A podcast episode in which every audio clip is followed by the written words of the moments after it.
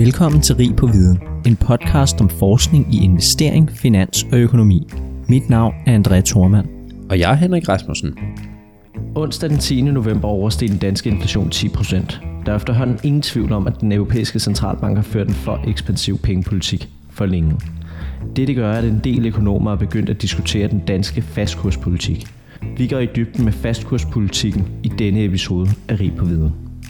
Til at hjælpe os med dette har vi fået besøg af topøkonom Lars Christensen, som har været med en del gange før. Tusind tak, fordi du vil være med igen. Øh, Lars, det er jo et stykke tid siden, men du har været med i, i mange episoder efterhånden. Ja, altså nu sker der jo heldigvis meget i verden, som øh, har noget med det, som jeg specialiserer mig i at gøre, så, det er jo, øh, så derfor er det jo dejligt at være eftertragtet. Og vi skal jo tale om, øh, om fastkurspolitikken øh, i dag. Men før vi går til, til fastkurspolitik, så sker der jo sindssygt meget på øh, inflationsdagsordenen nærmest hver måned, når vi får de her CPI-tal. Det sker jo så flere gange, både når Europa kommer og USA kommer. Og, og, og den her episode, den bliver optaget den 13. Øh, november og udkommer her den 15. November. Ja, vi sidder her og hygger os en søndag ja, øh, til frokost. Det er det, man laver en søndag, ikke? Det er det. præcis. Men, men, men det er ikke mere end et par dage siden, at vi fik øh, nye inflationstal fra USA, hvor markederne bragede øh, op, og alle havde hænderne i vejret og råbte hurra, hurra, nu øh, skal vi begynde at tjene penge på aktier igen. 7,7 procent inflation år over år. Hvad, hvad, hvad tænker du om inflation i USA? Er det for tidligt at råbe hurra, eller er vi begyndt at se en udvikling, hvor inflationen bare skal begynde at falde og falde ned mod den her målsætning? Der, der er to, øh, to elementer af det her, øh, øh, som er modsatrettet. Øh, min blog hedder marketmonitorist.com, og øh, det jeg, sådan den tilgang, jeg har, handler om markets and money. Det hedder min rådgivningsfirma jo også. Altså, hvad er det markedet siger, og hvad er det pengepolitikken siger? Hvis vi kigger på pengedelen af det, så er det faktisk sådan, at den amerikanske pengemængdevækst, M2-væksten, er fladet meget, meget kraftigt ud i 2008. For årets begyndelse har vi stort set ikke haft nogen pengemængdevækst. Og hvis vi kigger på den reale pengemængdevæksten, altså pengemængden i forhold til prisniveauet, så har pengemængdevæksten faktisk været ganske kraftigt aftagende. Og det er jo en, i hvert fald på papiret, en pengepolitisk stramning, hvis vi ser bort fra, hvad der sker med penge efterspørgselen. Så det er det ene element. Penge efterspørgsel skal omsættes til nominel, eller pengeudbud, pengemængdevæksten skal omsættes til nominel indkomstvækst. Hvor meget stiger indkomsterne med samfundet og dermed efterspørgselen? Øhm, og der kan vi se, hvis vi kigger på den amerikanske nominel BNP-vækst, Øh, vi kan også se på det der private øh, øh personal consumption expenditure, som følger nominel BNP-vækst meget tæt med er månedlige tal, så kan vi se, at den vækst også er bøjet af. Den bøjer ligesom af i forhold til pengemængdevæksten, men med, med, med en aftagende vækst. Hvis vi kigger på det, så ligger nominel BNP-vækst i USA nok omkring en 7-8 procent lige nu. Øh, hvis vi kigger på kvartal til kvartal analyseret, så er det nok nogenlunde der, vi er. Hvis vi siger, at trendvæksten i amerikansk økonomi realt er 2, lad os sige 3 procent rigtig optimistisk, mm. så ligger vi altså på en 5-7 procents underliggende inflationsvægt, der kommer altså alene fra pengepolitikken eller fra efterspørgselssiden. Hvis vi var blevet præsenteret for det øh, for tre år siden, så har vi sagt, at det er jo helt vanvittigt det her. Pengepolitikken må strammes umiddelbart. Øh, det der selvfølgelig er pointen, det er, at den vækst må vente sig aftage kvæg, at pengemængdevæksten jo altså faktisk blive negativ. Så på den måde kan man sige, om vi er på rette vej, det kommer ned. Så på den måde, så har vi jo sådan set, jeg skrev faktisk om det på min blog i, i juli, at, at vi, var nok, vi var nok toppet på inflation, eller i hvert fald inflationær pres for pengepolitikken af, og at det ville komme ned. Jeg advarede også om, at det nok ikke ville gå så hurtigt, men det var, det var retningen. Så det var ligesom pengepolitikken. I USA? Ja, i USA. I USA, det er vigtigt at understrege. Men hvad er det, så markedet fortæller os? Vi får det her tal, som overrasker øh, noget på nedsiden. Jeg tror, hvis man kigger på detaljerne, og det er altid den diskussion, der udspiller sig i dagen efter, dem, der har taget fejl, finder nogle ting, hvorfor, der var, hvorfor det var sådan, og det ikke var sådan. Ikke?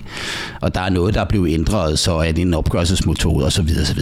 Men det overordnede billede er nok, at vi er toppet på, USA, øh, på inflationen i USA, og inflationen er på vej ned. Det, jeg bider mærke i dog, det er den der meget kraftige markedsreaktion. Mm. Fordi skal markedet virkelig fejre inflationen af 7,7 procent?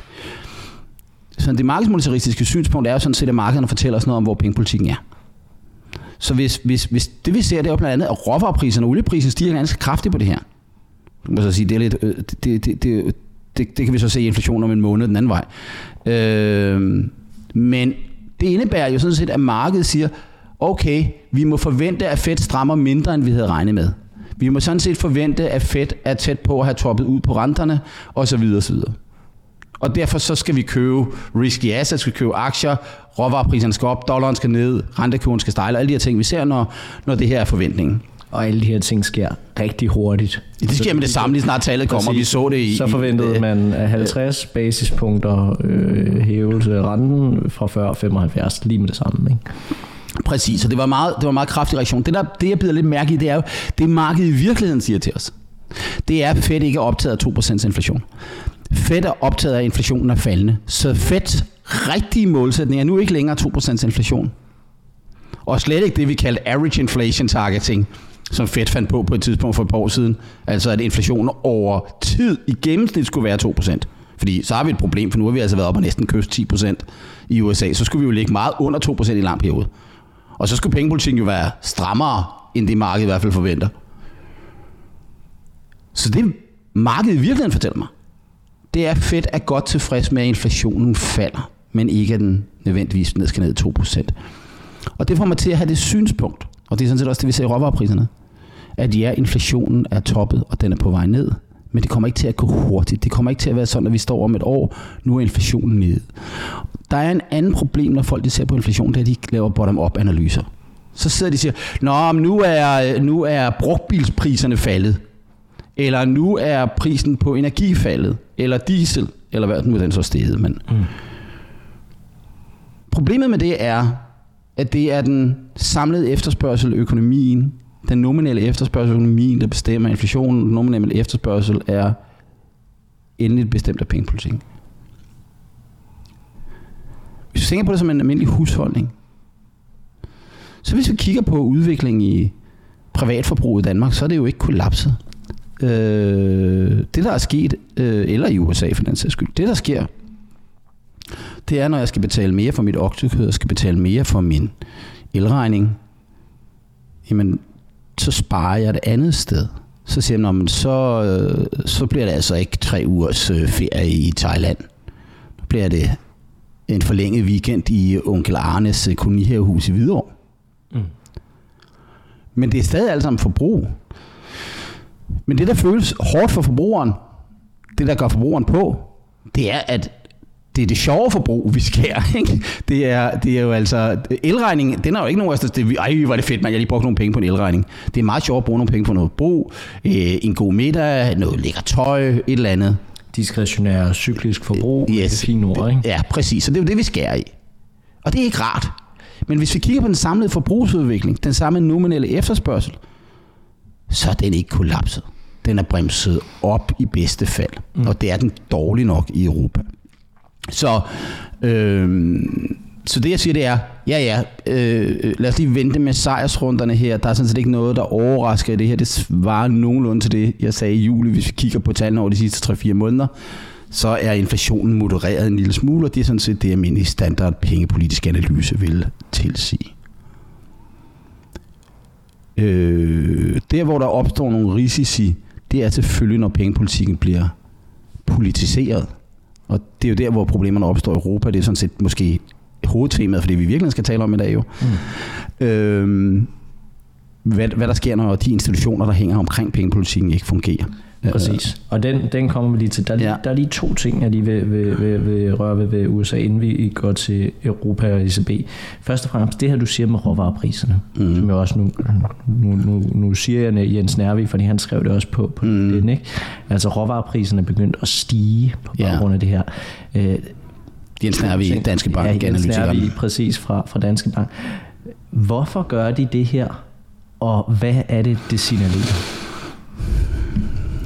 Skal... Det er jo lidt sådan kontraintuitivt, at de, de, de gør det vel egentlig, eller? Nu, nu skal du jo sige, at Jens er sjældent er uenig om noget. Jeg ansatte i sin tid Jens Nærvi i Danske Bank, men, men, øh, men Jensens analyse er også den analyse, som jeg ser altså, at hmm, hvis markedet venter en type pengepolitik fremadrettet, fordi at markedet ikke er sikker på, at inflationen er faldende, og opfattelsen er, at Feds målsætning er, at man skal have faldende aftagende inflation.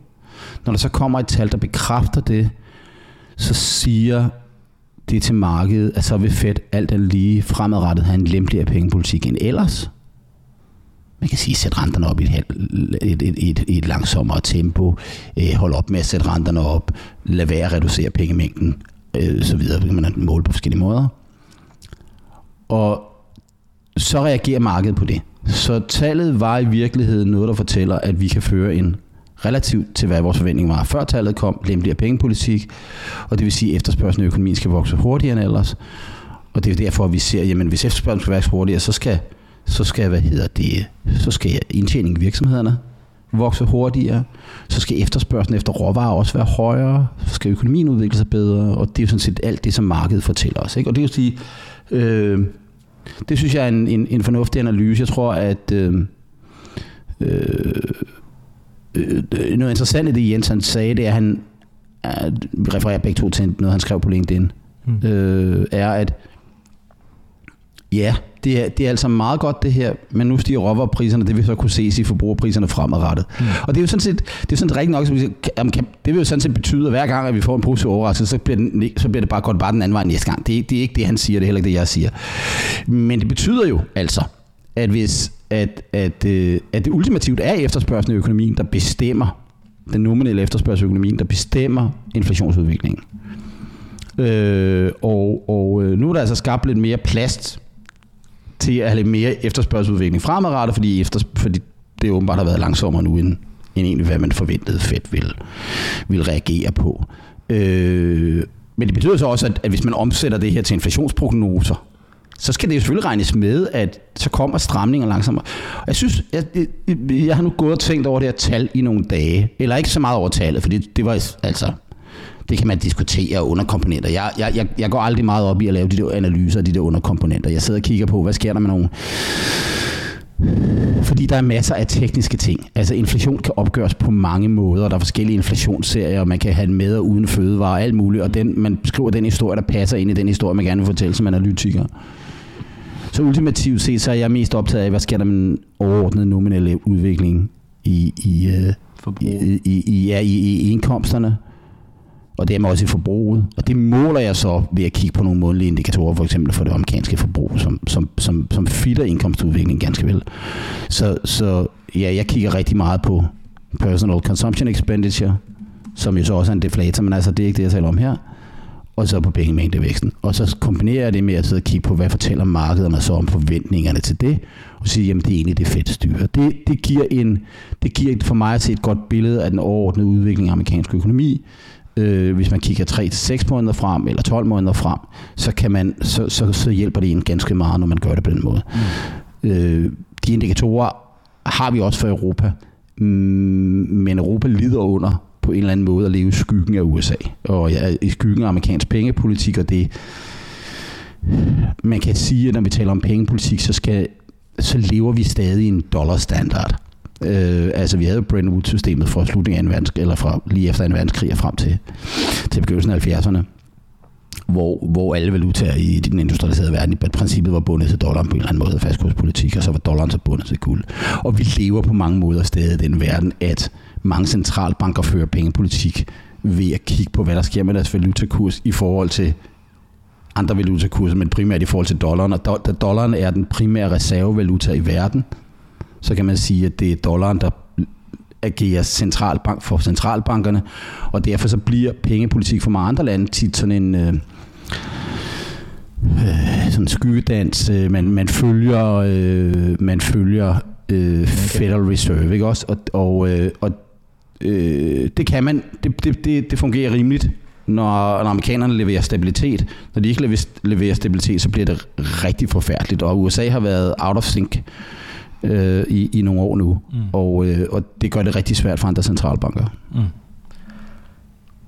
Jeg vil lige dvæle med det her med, at, at markedet var meget hurtigt til at gå ind og justere deres mm. forventninger mm. på baggrund af det her og sige, nu skal der komme øh, et 50 basispunkters øh, ændring til, til styringsrenten mm. kontra før 75.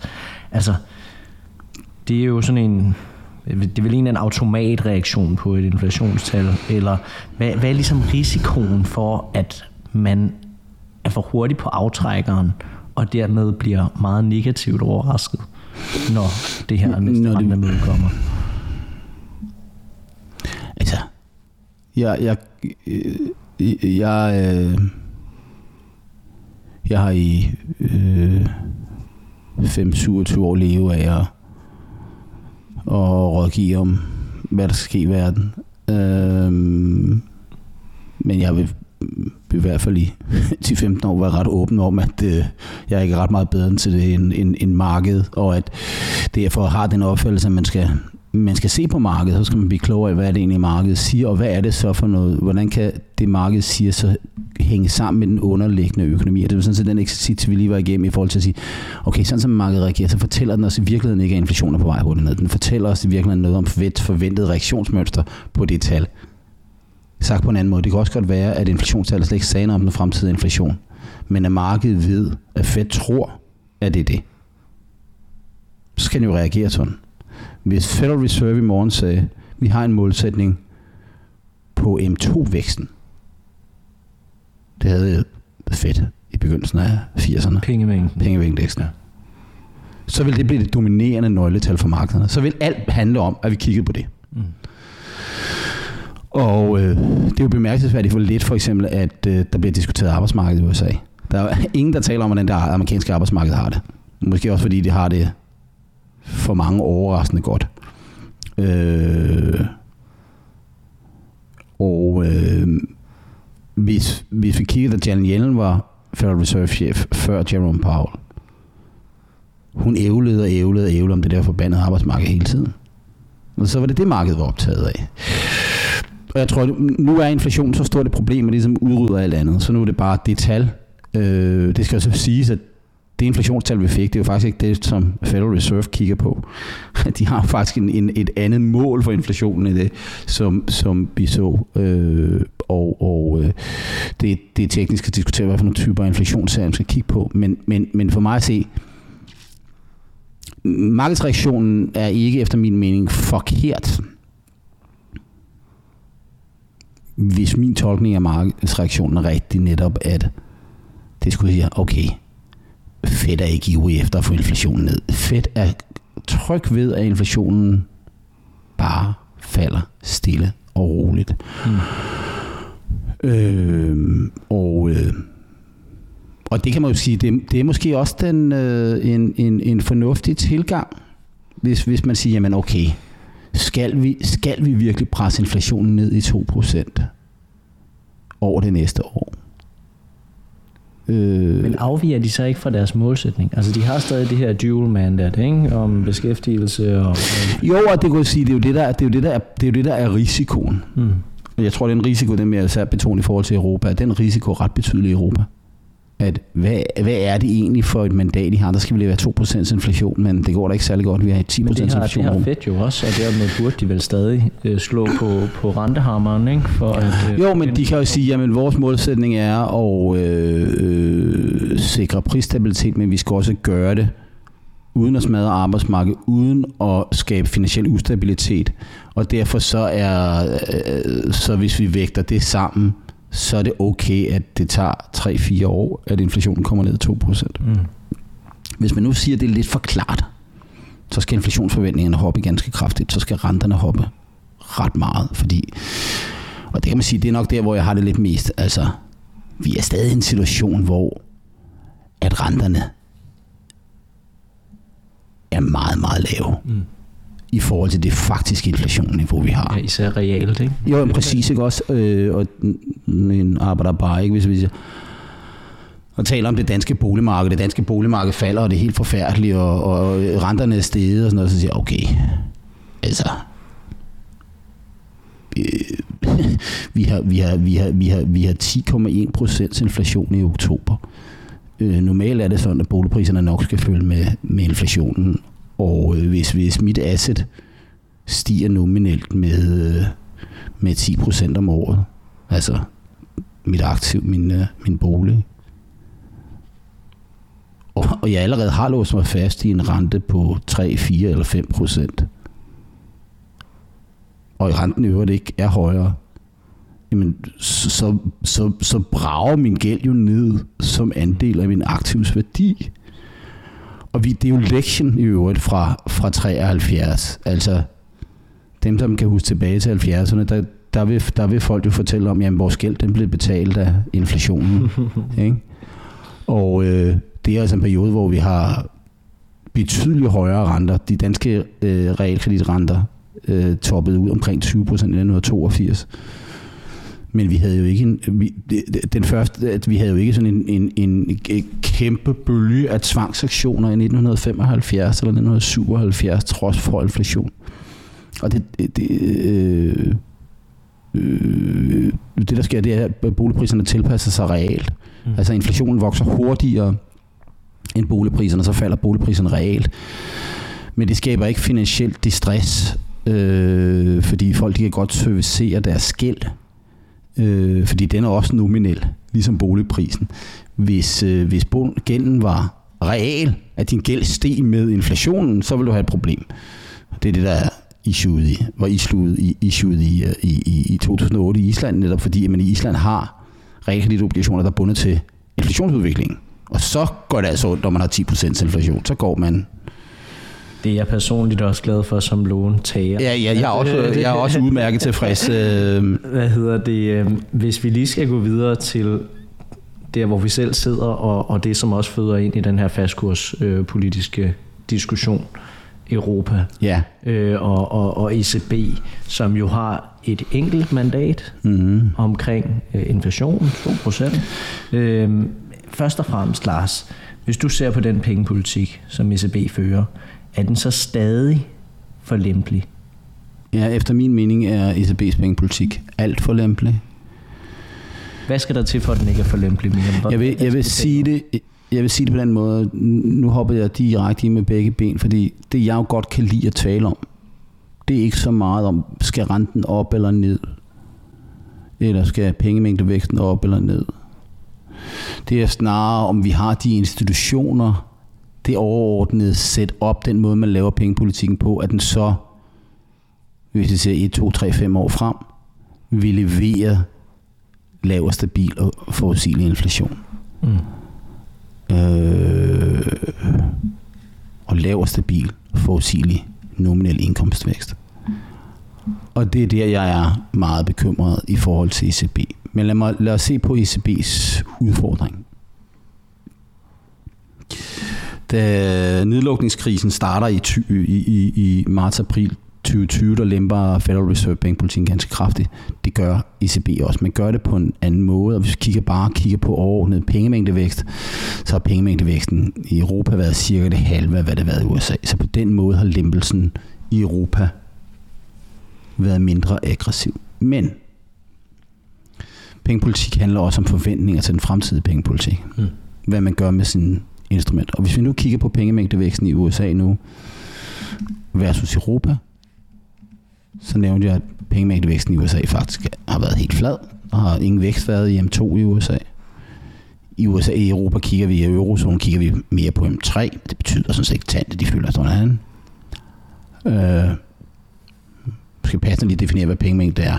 Pengemængden, det er de sædler og mønter, vi har i vores fysiske sedler, plus de indskud, vi har på bankkonti, og så kan man gøre det lidt mere, så kan man sige ting, der er næsten penge. Øh, det kunne være ting, man havde på øh, en eller anden investeringsfond, som man kan tage ud og likvidere hurtigt, eller så, det kan man definere på forskellige måder. Men, men overordnet set, så er det den simple definition af penge, det er sedler og mønter og bankindskud. Øh, og hvis vi kigger på det, så er så er pengemængdevæksten faktisk fortsat med at vokse igennem 2022 lige så hurtigt som i 2021. øh, i eurozonen. Så der er ikke nogen på den måde pengepolitisk opbremsning. Mm. Det er jo bemærkelsesværdigt. Ja, det er jo meget bemærkelsesværdigt, Ja, når og man der- tænker på, hvor voldsomt det var i Ja, 21. og så kunne man så sige, jamen hvad nu hvis det afspejler, at efterspørgselen efter penge er steget, så er det jo ikke noget problem. Men hvis efterspørgselen efter euro var steget, så skulle euroen være styrket. Og euro- euroen er svækket ganske markant. Jeg har lige været i USA. Det var, det var en dyr fornøjelse. Ja, der opdagede du lige pludselig, at det var et, et helt andet prisniveau, der lige pludselig var kommet. Ikke? Og, øh, og, og så noget af det, som vi, så hvis vi, vi, hvis vi kigger på euroens udvikling og udviklingen i pengemængdevæksten, så fortæller det os sådan set, at pengepolitikken er ganske lempelig. En måde at se det her på, det er, når vi traditionelt så taler vi jo i sådan en makroøkonomisk teori om udbudschoks og efterspørgselschoks. Og de fleste økonomistuderende, hvad enten de læser den ene eller anden form for økonomi, bliver introduceret det her på, på første års prøve, i en såkaldt ASAD-model, hvor man kan skubbe til den aggregerede udbud, AS-kurven, eller til den aggregerede efterspørgsel, AD-kurven. Hvis vi skal prøve at tænke os det, og hvad det er, der har ramt Europa, så er det sådan, at der er ingen tvivl om, at vi har haft lempelig pengepolitik. Vi har også haft lempelig finanspolitik. Så AD-kurven er blevet skubbet til højre. Altså vi er skubbet til efterspørgsel, og det skal presse den økonomiske vækst op, real BNP-vækst, og det skal skubbe inflationen op. Og så er der siden den russiske invasion af Ukraine også ramt et udbudschok, der har skubbet til nogle energipriser, som er svært at adskille fra efterspørgsel, fordi hvis efterspørgselen generelt vokser, så skal alle priser vokse. Og de priser, som, hvor udbuddet er mest rigidt, de skal stige hurtigst. Så det er ikke underligt, når man lemper pengepolitikken, at boligpriserne stiger hurtigere end prisen på noget, som er, er, er, relativt elastisk udbud, hvor der bare kommer flere varer på baren. Og energi er, er sådan set en af de der, man kan ikke bare generere mere, få mere energi op, så, så selv efter, højere efterspørgsel vil altså også give højere energipriser. Så det er lidt svært at adskille, om det er det ene eller det andet, der sker. Nå, men, men det er klart, at, at, at vi kan se, at, at det her er sket. Og, og øh, når det så er sagt, så skal vi jo også se, at energiprisstigningen jo altså ikke kom den 24. februar, da, øh, da, da russerne invaderede Ukraine. Den var startet før, og så tog det ligesom til. Men det var først hen over sommeren, faktisk, at vi lige pludselig fik et eller andet spike i gaspriserne og energipriserne. Så man kan diskutere, hvorfor kommer, og jeg er ikke ekspert i, øh, i, i energimarkederne. Men noget tyder jo på, at der var sådan en frygt efterspørgsel og noget, en hårdningseffekt, måske drev også nogle, nogle regeringer rundt omkring i Europa, som gik i panik. Og nu er de faldet. Og nu er de faldet, ikke? Men, men de er stadig på et højt niveau og sådan noget, men, men altså elpriserne er jo for eksempel på niveau med, hvor de var for et år siden nu i Europa. Nå, øh, spot elpriserne. Det er ikke det, du be- betaler hver måned, fordi det kommer jo på, hvad for en kontrakt du har. Ja. Men, men, men, men, men der er det der negative udbudschok også. Den pengepolitiske lærebog siger, at vi skal ikke reagere på et negativt udbudschok. Mm. Hvis, hvis der kommer et negativt udbudschok, så skal vi ikke stramme pengepolitikken. Det var den fejl, ECB gjorde i 2011, da ECB satte renten op to gange, fordi de troede man virkelig, at der kom inflation. Fordi der havde været en tsunami i Japan, der havde skubbet efterspørgselen efter energi op i en periode, som så havde skubbet nogle energipriser op. Også i Europa, som man så troede var der. Så der gik de for stramt til. Der gik gik de uden tvivl for stramt til, og jeg var meget kritisk over for det på tidspunkt. Og hvis ECB havde kigget på sin pengemængdevækst, og kigget på nominel BNP-vækst, så havde ECB godt vidst det. Det gjorde ECB ikke. De kiggede bare på, hvad sker der med headline-inflation. Efter min mening, så bliver den modsatte fejl begået nu. Hvis man kigger på energipriserne, så siger energipriserne, og det kan vi tydeligvis se i, i, i nogle forbrugerpriser, og så siger vi, det er hele Rusland. Så siger jeg, okay, men lad os se, hvad der sker med pengemængdevæksten. Pengemængdevæksten er høj, og den er højere, end hvad den var før, og den er også højere, end hvad den var i perioden fra 2010 til 2014-15 stykker, og den er også højere, end hvad den var fra 2014 og frem til, eller 2015. Det var da man endelig begyndte at lempe pengepolitikken nogenlunde i Europa for at komme ud af det der deflationære helvede, man var i, frem til 2019. Så pengemængdevæksten siger det. Hvis vi kigger på den nominelle BNP-vækst,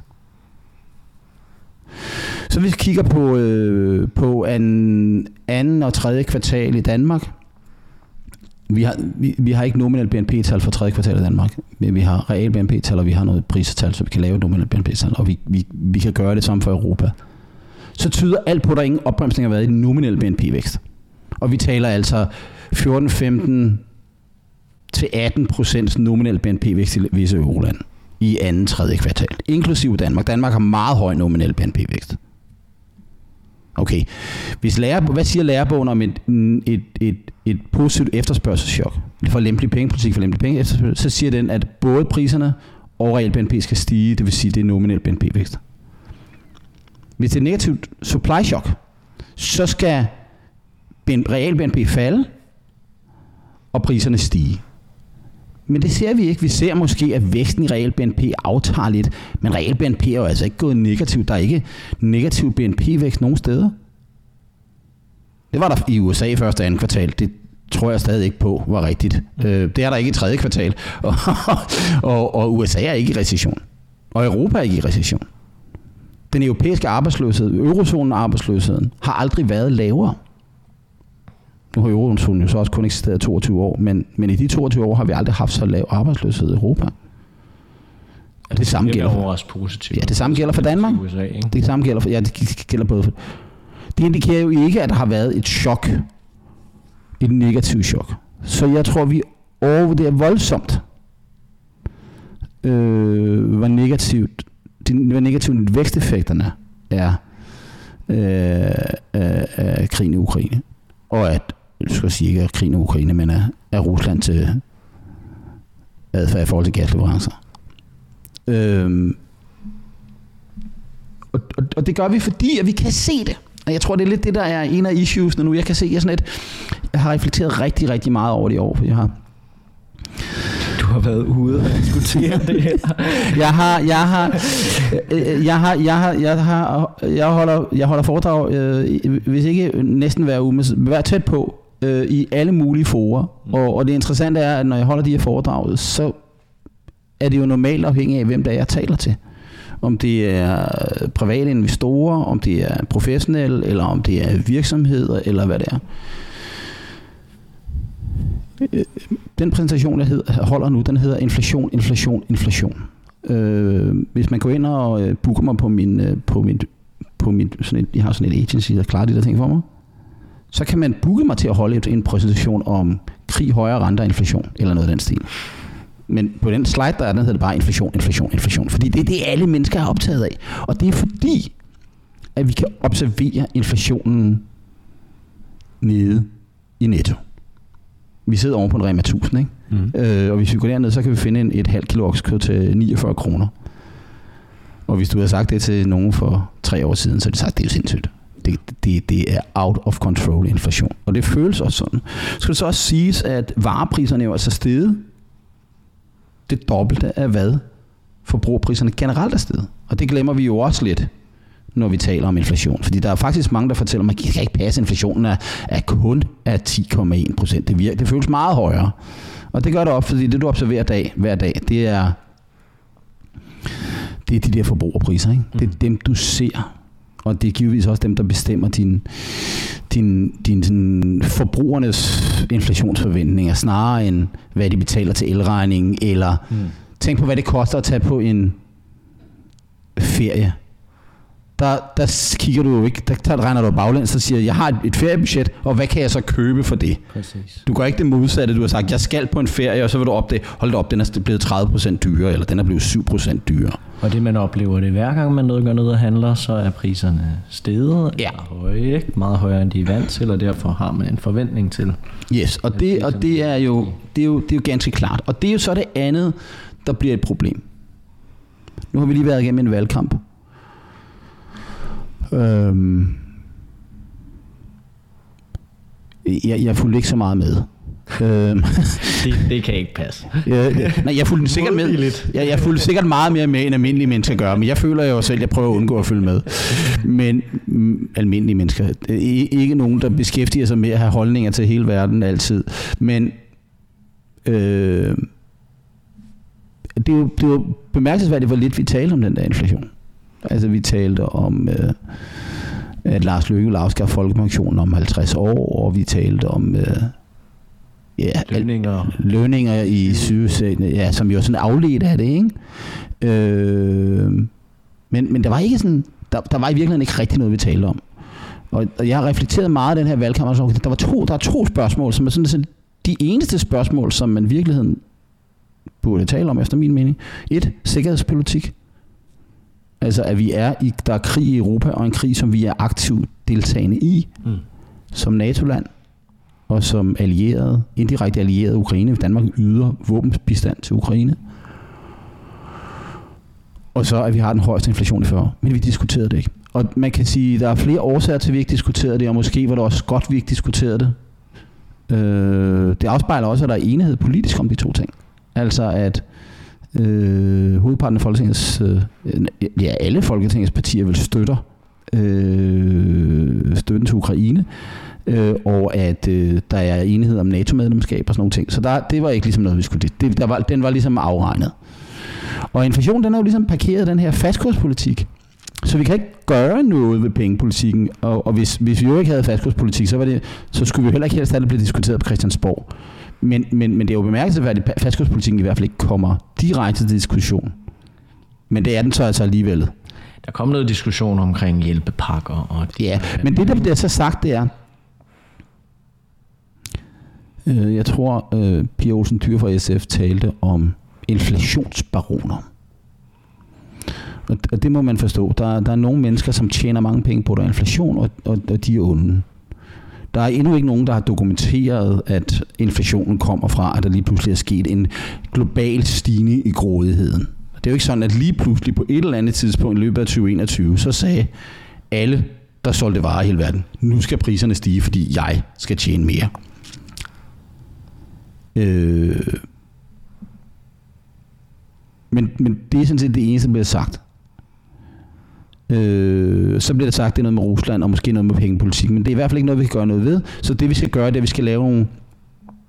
Pelle Dragsted fra Enhedslisten talte om partiernes inflationspolitik. Og så må man sige, okay, inflationspolitik, det må handle om at få reduceret, reduceret inflationen. Det Pelle Dragsted mente, det var, hvem skal vi hjælpe? Hvem skal vi tage nogle penge fra, og hvem skal vi give nogle penge fra? Det er fordelingsspørgsmål, og det som økonom kan man ikke rigtig mange indstillinger til. Man kan have indstillinger til, at det har nogle effekter på økonomien, hvis man omfordeler mere eller mindre, men man kan ikke have nogen indstilling til, om det er godt eller dårligt i sådan en samfundsmæssig forstand. Eller hvad det er for samfund, man ønsker. Men det man jo siger, når man taler om inflationspolitik, det er jo i virkeligheden, at man siger, at vi, inflationen is here to stay. Ikke? Fordi hvis vi skal, hvis vi skal lave, hvis vi skal lave, vi har lavet elselskaberne om til banker, så du kan få udskudt stigning i din elregning ved at låne pengene af dit elselskab til næste år. Okay. Øh, så det er, det er jo ret omsaggribende, at man laver elselskaber om til banker.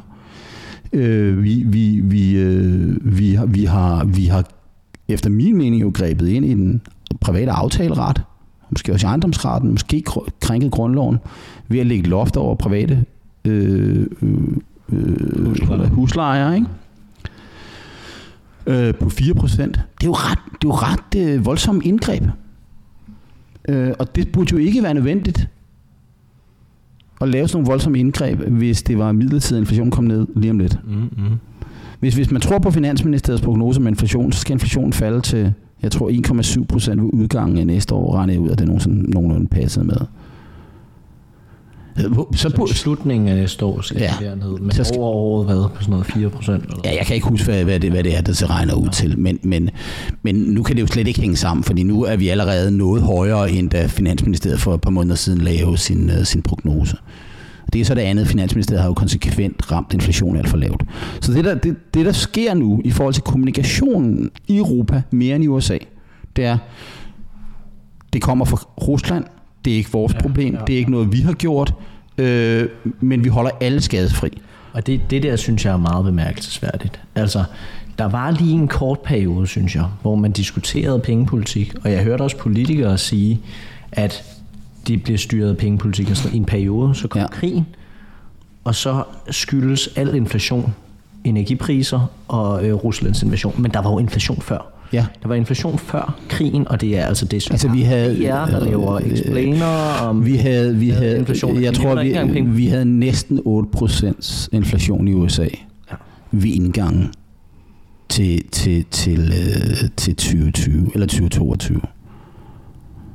Øh, og inflationen var klart op, på vej op i Europa med, med et vist lag. Øh, og, og derfor så er det sådan, det er i hvert fald en meget forsimplet beskrivelse af inflationen at sige, at det kommer bare fra Rusland. Og det hører jeg heldigvis ikke ret mange økonomer sige. Nej, nej, nej, nej. Og, og det, er, det er bemærkelsesværdigt, at økonomer i dag i høj grad er enige om, at en forlempelig pengepolitik er hovedårsagen eller i hvert fald en meget væsentlig årsag til den høje inflation, og kun strammere pengepolitik kan bringe det ned, og at det er meget vigtigt, at det bliver gjort nu, og vi ikke udskyder det, fordi så bider inflationen så fast. Det er en bemærkelsesværd konsensus, der er om det her, som min store held, Milton Friedman, øh, nok ville have været glad for, hvis han lavede stadig leve. Altså, verden er på den måde, økonomerne er på den måde betydeligt mere monetaristiske, mm. end de var i løbet af 70'erne. Øhm. Vi, vi skal lige hurtigt ja. tilbage, inden vi går til, til fastkurspolitikken, fordi at øh, selvom du, hvad kan man sige, ikke er så glad for det der med øh, renterne op, renterne ned, så har du alligevel nogle gange ja. sagt, hvis nu jeg var, øh, øh, hvad hedder det, Jerome Powell, mm. eller hvad hedder det, Lagarde, eller, eller whatever, så vil jeg gøre ja. X. Øhm, jeg kan ikke engang huske, hvad spændet hedder for ECB lige nu på renten.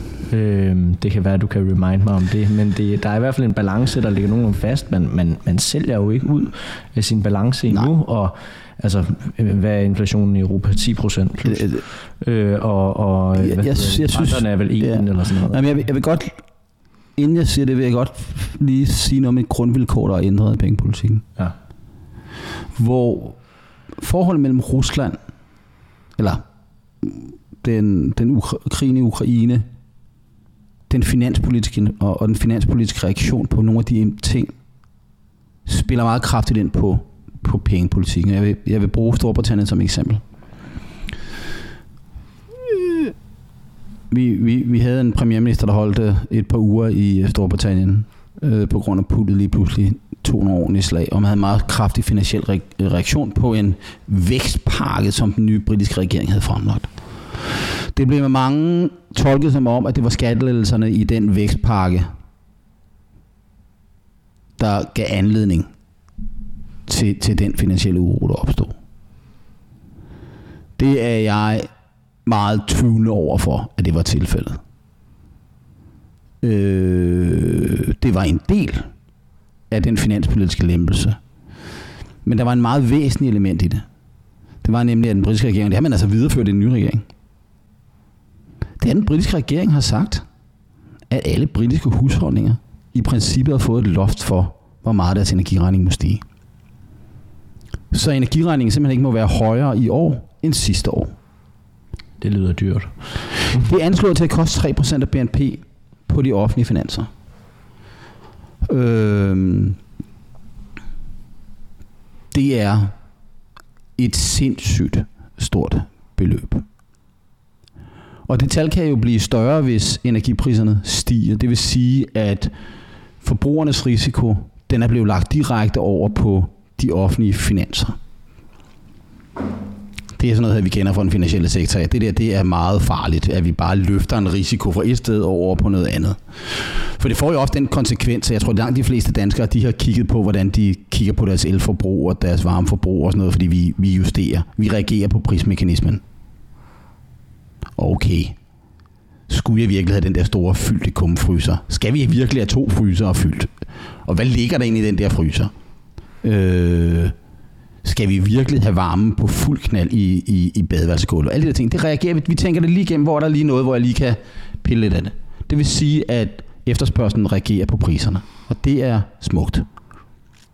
Hvis man, hvis man siger, at den regning, den tager skatteborgerne, så skal skatteborgerne stadig betale det, fordi det er også det er de samme britter, der skal betale den. Men så er der ikke nogen efterspørgselsreaktioner.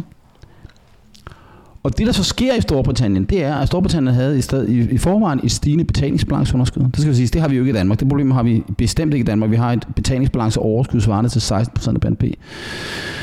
Men både eurozonen og Storbritannien har set relativt kraftig stigning i betalingsbalancer underskuddet, forværing af betalingsbalancen øh, i år. Og det skyldes jo blandt andet, at man skal importere noget dyre energi, men det betyder også, at man, også, at man for eksempel at man eksporterer mindre til Kina. De to ting til sammen, øh, sammen med nogle øgede renteudgifter, som rammer en finansielt på, på nogle finansielle strømme, gør, at de der betalingsbalance, den der betalingsbalanceudvikling der er der. Sådan meget for simpelt sagt. Og at finanspolitikken er blevet lempet. Fordi man skal betale nogen for de der ting. Det har vi jo så ikke gjort i Danmark. Altså, øh, Danmark låner husholdningerne af elselskaberne, som de så selv skal betale tilbage. Det ser ikke kønt ud, men sammenlignet med den der britiske løsning, så er det holdbarhedsmæssigt i forhold til finanspolitikken og de private husholdninger noget mere fornuftigt. Mm. Grunden til at tale om, hvad er det her med pengepolitik at gøre, det er, at det vi ser i, i Storbritannien, det var, at renterne kørt kraftigt op. Og det var ikke det var de realrenterne, der steg. Så inflationsforvent, det var ikke inflationsforventninger, der drev renterne op, men at basalt set, så blev Storbritannien mindre kreditværdig som nation. Og det er klart, når man påtager sig mere gæld som stat, og betalingsbalance, og man skal låne penge uden at betalingsbalance overskud stiger, eller betalingsbalanceunderskuddet stiger eller vokser, så skal man kommentere på en eller anden måde. Og, og det var også det, vi så i, i, i, øh, i løbet af 70'erne. Realrenterne kørte op parallelt med, at både altså også de nominelle renter kørte op, men realrenterne kørte også op, fordi det gik ud over den der negative udbudschok. Det ramte også de man kan sige, der har været meget diskussion om i Danmark, hvordan skal vi reagere på, at inflationen er høj? Hvad skal vi gøre med finanspolitikken? Og hvis vi kigger i lærebogen, så skal vi ikke reagere på et negativt udbudschok. Hverken med pengepolitikken eller med finanspolitikken. Så kan man sige, at i Danmark er det i virkeligheden ikke. Det er fordi, vi har for lempelig pengepolitik i Europa, det er fordi, vi har bundet, og så skal vi, op, så skal vi modgå det med, med finanspolitikken. Det er svært at gøre, når man har fastkurspolitikken, men det, det kan vi komme tilbage til. Men der er et element, som bliver glemt af det her. Det er sådan meget sådan en konjunkturdiskussion. Mm. Men hvad vil solvens? Hvad, hvis, hvad nu, hvis det er sådan, at vi alle sammen skal betale 20% mere for vores energi permanent? Jamen så er vi alle sammen permanent blevet fattigere. Og hvis vi alle sammen blev permanent fattige, så skal BNP, real BNP, permanent være lavere, end hvad det ellers skulle have været. Og så må de offentlige finanser jo tilpasse sig til det. Så vil skatteprovenyerne være lavere, så får man ikke skal blive, staterne ikke skal bevæge sig i en retning og blive insolvente, så må de jo stramme finanspolitikken. Og britterne gør altså det modsatte. Så det jeg ser sker, det er det vi kalder den naturlige rente. Den er stigende i Europa. Mm. Fordi der er kommet et negativt udbudschok i forhold til energipriserne, så gør man os permanent fattigere, men også fordi vi altså laver nogle politiske reaktioner på det her, som fundamentalt set er lempelse af finanspolitikken, så skal, så skal øh, husholdninger spare mindre op, staten sparer mindre op eller gældsætter sig mere, så skal realrenterne være højere. Det betyder, at man kan sige, når ECB fører pengepolitik ved at styre efter en rente, så er den naturlige rente, som ECB skal ramme, den er højere. Så hvis ECB ikke rammer, hvis ECB ikke sætter renten op, men den naturlige rente stiger, så svarer det faktisk til en pengepolitisk lempelse. Mm. Mm. Det opdager vi ikke, fordi renten er uændret. Nej.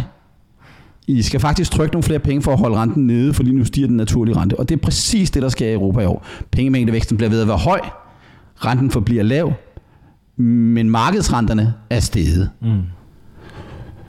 Så vi får det her negative efterspørgselschok, som vi reagerer på med en lempeligere finanspolitik, og implicit også en lempeligere pengepolitik, og det løfter inflationen yderligere. Det minder meget om det forløb, der er i sidste halvdel af 70'erne og begyndelsen af 80'erne i Europa og i USA. USA er ikke i samme situation. USA har fået en ganske betydelig forbedring, det vi kalder bytte, øh, bytteforholdet, altså prisen på de varer, som man eksporterer i forhold til de varer, man importerer. Og det er fordi USA er nettoeksportør af energi, modsat Europa. Så USA har faktisk fået noget ud af, at energipriserne er steget og dollaren er styrket. Øh, så den naturlige rente er givetvis ikke stedet nær så meget i USA, som den er i Europa. Vi er også mere hårdt ramt af det der øh, Ruslands chok. I parentes bemærket skal det så bemærkes, at i, at i Danmark er det ikke sket. Altså, det, øh, øh, hvis vi kigger på de varer, som Danmark eksporterer, basalt set kunne man sige insulin, bacon, øl og varetransport på havene, container, vi fragter over Mærsk. Ja. Så har indtil for nylig har fragtraterne, som vi kalder det, været voldsomt stigende. Nu er de så faldet meget kraftigt øh, på det seneste. Men, men, men de har været stigende. Novo eksporterer sin insulin primært til USA. Og dollaren har været stigende, og priserne har ikke været faldende. Så det har også været fint. Og du kender Carlsbergs priser, de har heller ikke været faldende. Og hvis man taler med dem hos Danish Crown, så vil de fortælle, at deres omsætning er i hvert fald ikke faldet, fordi svinepriserne er steget med 20 procent. Så det danske bytteforhold, Danmark ligner på den måde mere USA. Og så hvis nu tag, vi går i gang med at tale om fastkurspolitik, så på den måde, så ligner vi mere et dollarland end et euroland. Vi ikke blevet så hårdt ramt af, af chokket fra Rusland af, og de varer, vi eksporterer, minder, minder mere om amerikansk økonomi end europæisk økonomi. Vi nettoeksporterer nogle ting, som også er steget. Yes. Og så vi er ret heldige. Ja. Så vi har været ret heldige. Det kan ændre sig. Men hidtil har Danmark været ret heldig. Og det er også derfor, at selvom at priserne er steget, så er restauranterne sat sig i København stadig fyldte. Også en tirsdag aften. Øh, jeg, jeg, jeg, altså sådan anekdotisk, så synes jeg, jeg har meget, meget svært ved at se den der krise. Jeg kan godt, jeg kan godt se den selv ned, ned, ned i Irma, eller i Netto, eller i Fakta. i Irma. Ej, jeg går faktisk, det, det er sådan en anden historie. Jeg går, på- øh, lige nu er min Fakta ved at blive ombygget. Øh, men, men, øh, øh, men, men, men, øh, men, men priserne, og det er så det andet, ja. Hvis, hvis du nu du holder op med at købe de der fine varer i Irma, du holder op med at købe økologiske varer, og så piller du lige 15-20 procent af din udgift ved at sige det, og så har du tilpasset en del af det.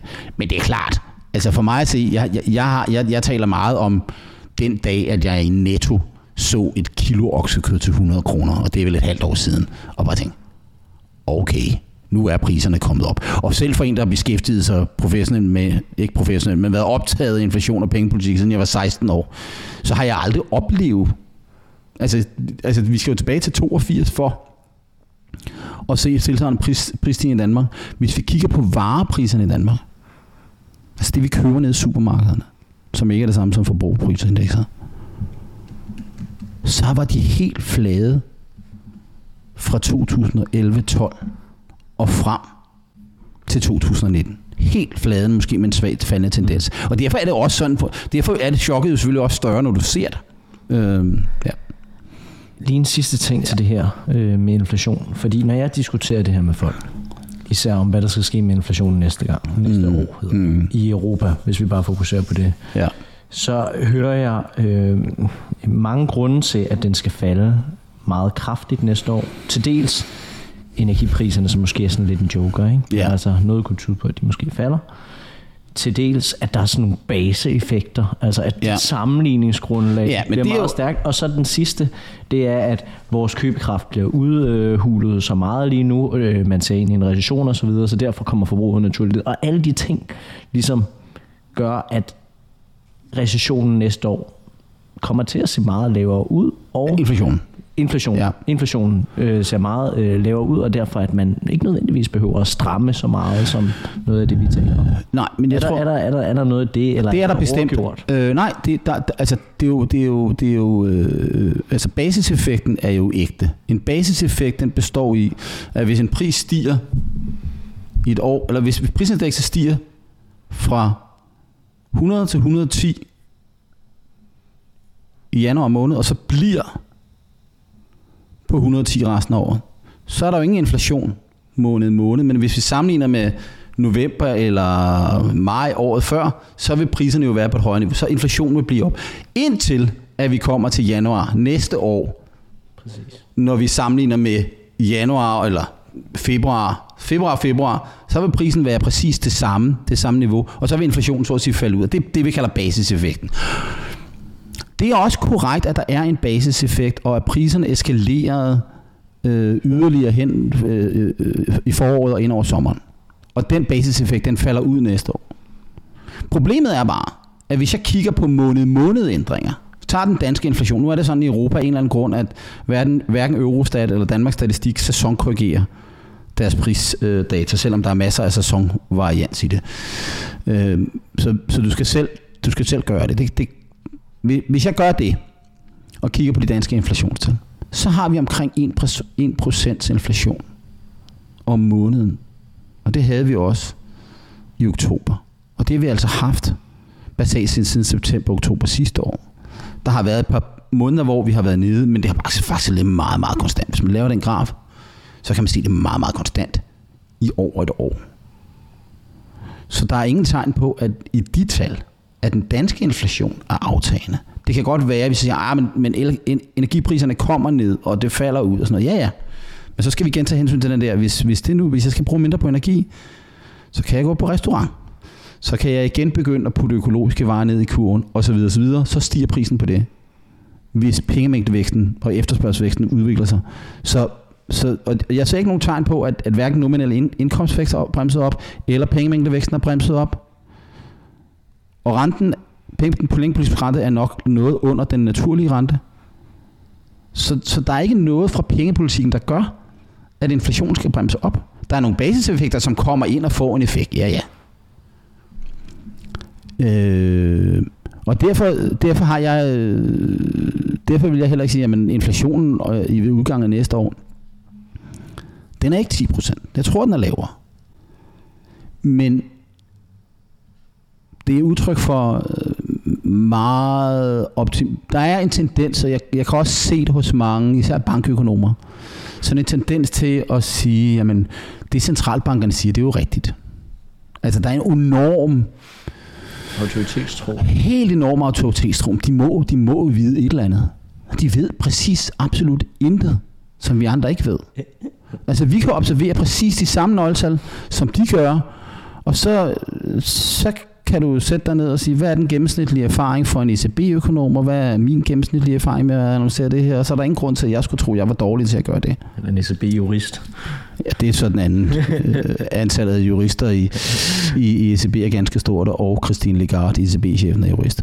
Det er Federal Reserve-chefen i øvrigt også. Men, så min, min, min, min, min pointe om det der, det er, at der er den der enorme autoritetstro. Og vi vil også alle sammen gerne have, at den der inflation kommer ned. Det er, det er rigtig, rigtig forfærdeligt med den her inflation.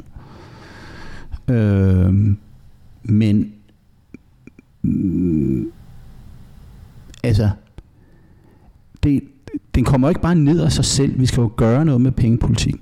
Øh, og vi, det der er ved det, det er pengepolitikken lige nu. I, altså, hvis vi skal se på øh, euroens 22-årige historie, så starter vi jo sådan set ud med, at at det gik sådan set meget godt i de første år. Og vi var meget tæt på 2% inflation. Men efter min mening, så begynder den europæiske pengepolitik at køre af sporet i 2006. Omkring 2005-2006. Øh, hvor pengepolitikken bliver alt for lempelig lige før finanskrisen, hvis yes. er der ikke kan huske det. Den bliver alt for lempelig, og det fører også til nogle ret store uligevægte i dele af det europæiske, i dele af europæiske lande.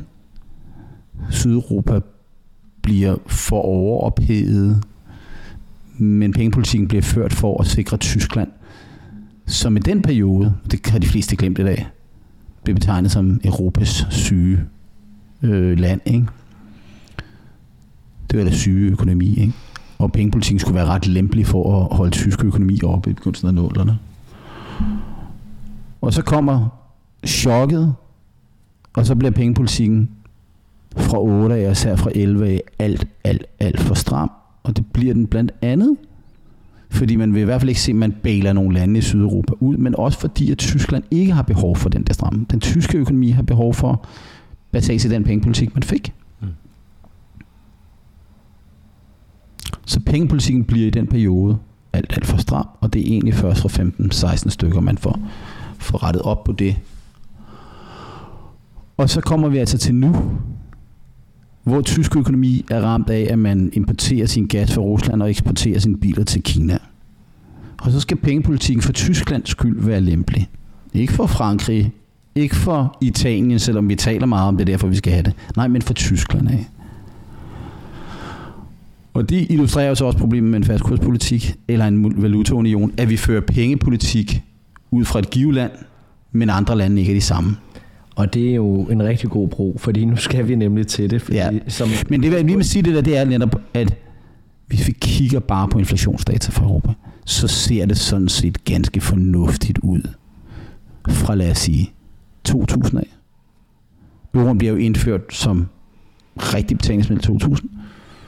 Man havde faktisk haft en elektronisk råd før. Øh, men fra 2012, så har vi altså en inflation, der er markant lavere end, hvad den, end de 2 procent. Og så kan man sige, jamen det gør det ikke noget, den kun er 0 eller 1 procent. Jo, det gør noget for nogen, der er forgældet, så bliver de for de svære svære ved at servicere deres gæld, og så skaber det finansiel ustabilitet. Og det skaber finansiel ustabilitet, hvis der er bankproblemer, så står der offentlige finansproblemer, så er der lande, der skal bæles ud. Det er alle de problemer, vi har haft med Spanien, Grækenland osv. Øh, og nu er vi så altså i den modsatte situation. Vi har en forlempelig pengepolitik, og nu kan vi ikke få os selv til at stramme pengepolitikken, fordi vi er ramt af det der Rusland. Og der, vi, man kan jo også sige sig selv, hvad sker der, når et land er i krig? Jamen det, der sker i et land er i krig, det er, at man skal finansiere sin krig. Og så forsvinder fokus på inflationen. Så siger man til centralbanken, nu skal I ikke holde inflationen lav, eller nu skal I ikke være bundet til guldet, eller hvad det nu er, man er et givet tidspunkt. Nu skal I trykke nogle penge, fordi vi skal betale nogle soldater og nogle våben. Og man kan jo sige, det er jo, hvis man nu tænker, at Europa er i krig med Rusland, og det er vi, så er der jo også, så bliver sikkerhedspolitikken rangeret højere end de pengepolitiske målsætninger. Og det betyder jo så også, at finanspolitikken heller ikke nødvendigvis, det, det gik meget hurtigt med. Altså vi har jo en, øh, en, den såkaldte fiscal compound i Europa, som ligger meget kraftige regler for, hvor meget stor budgetunderskuddet må være.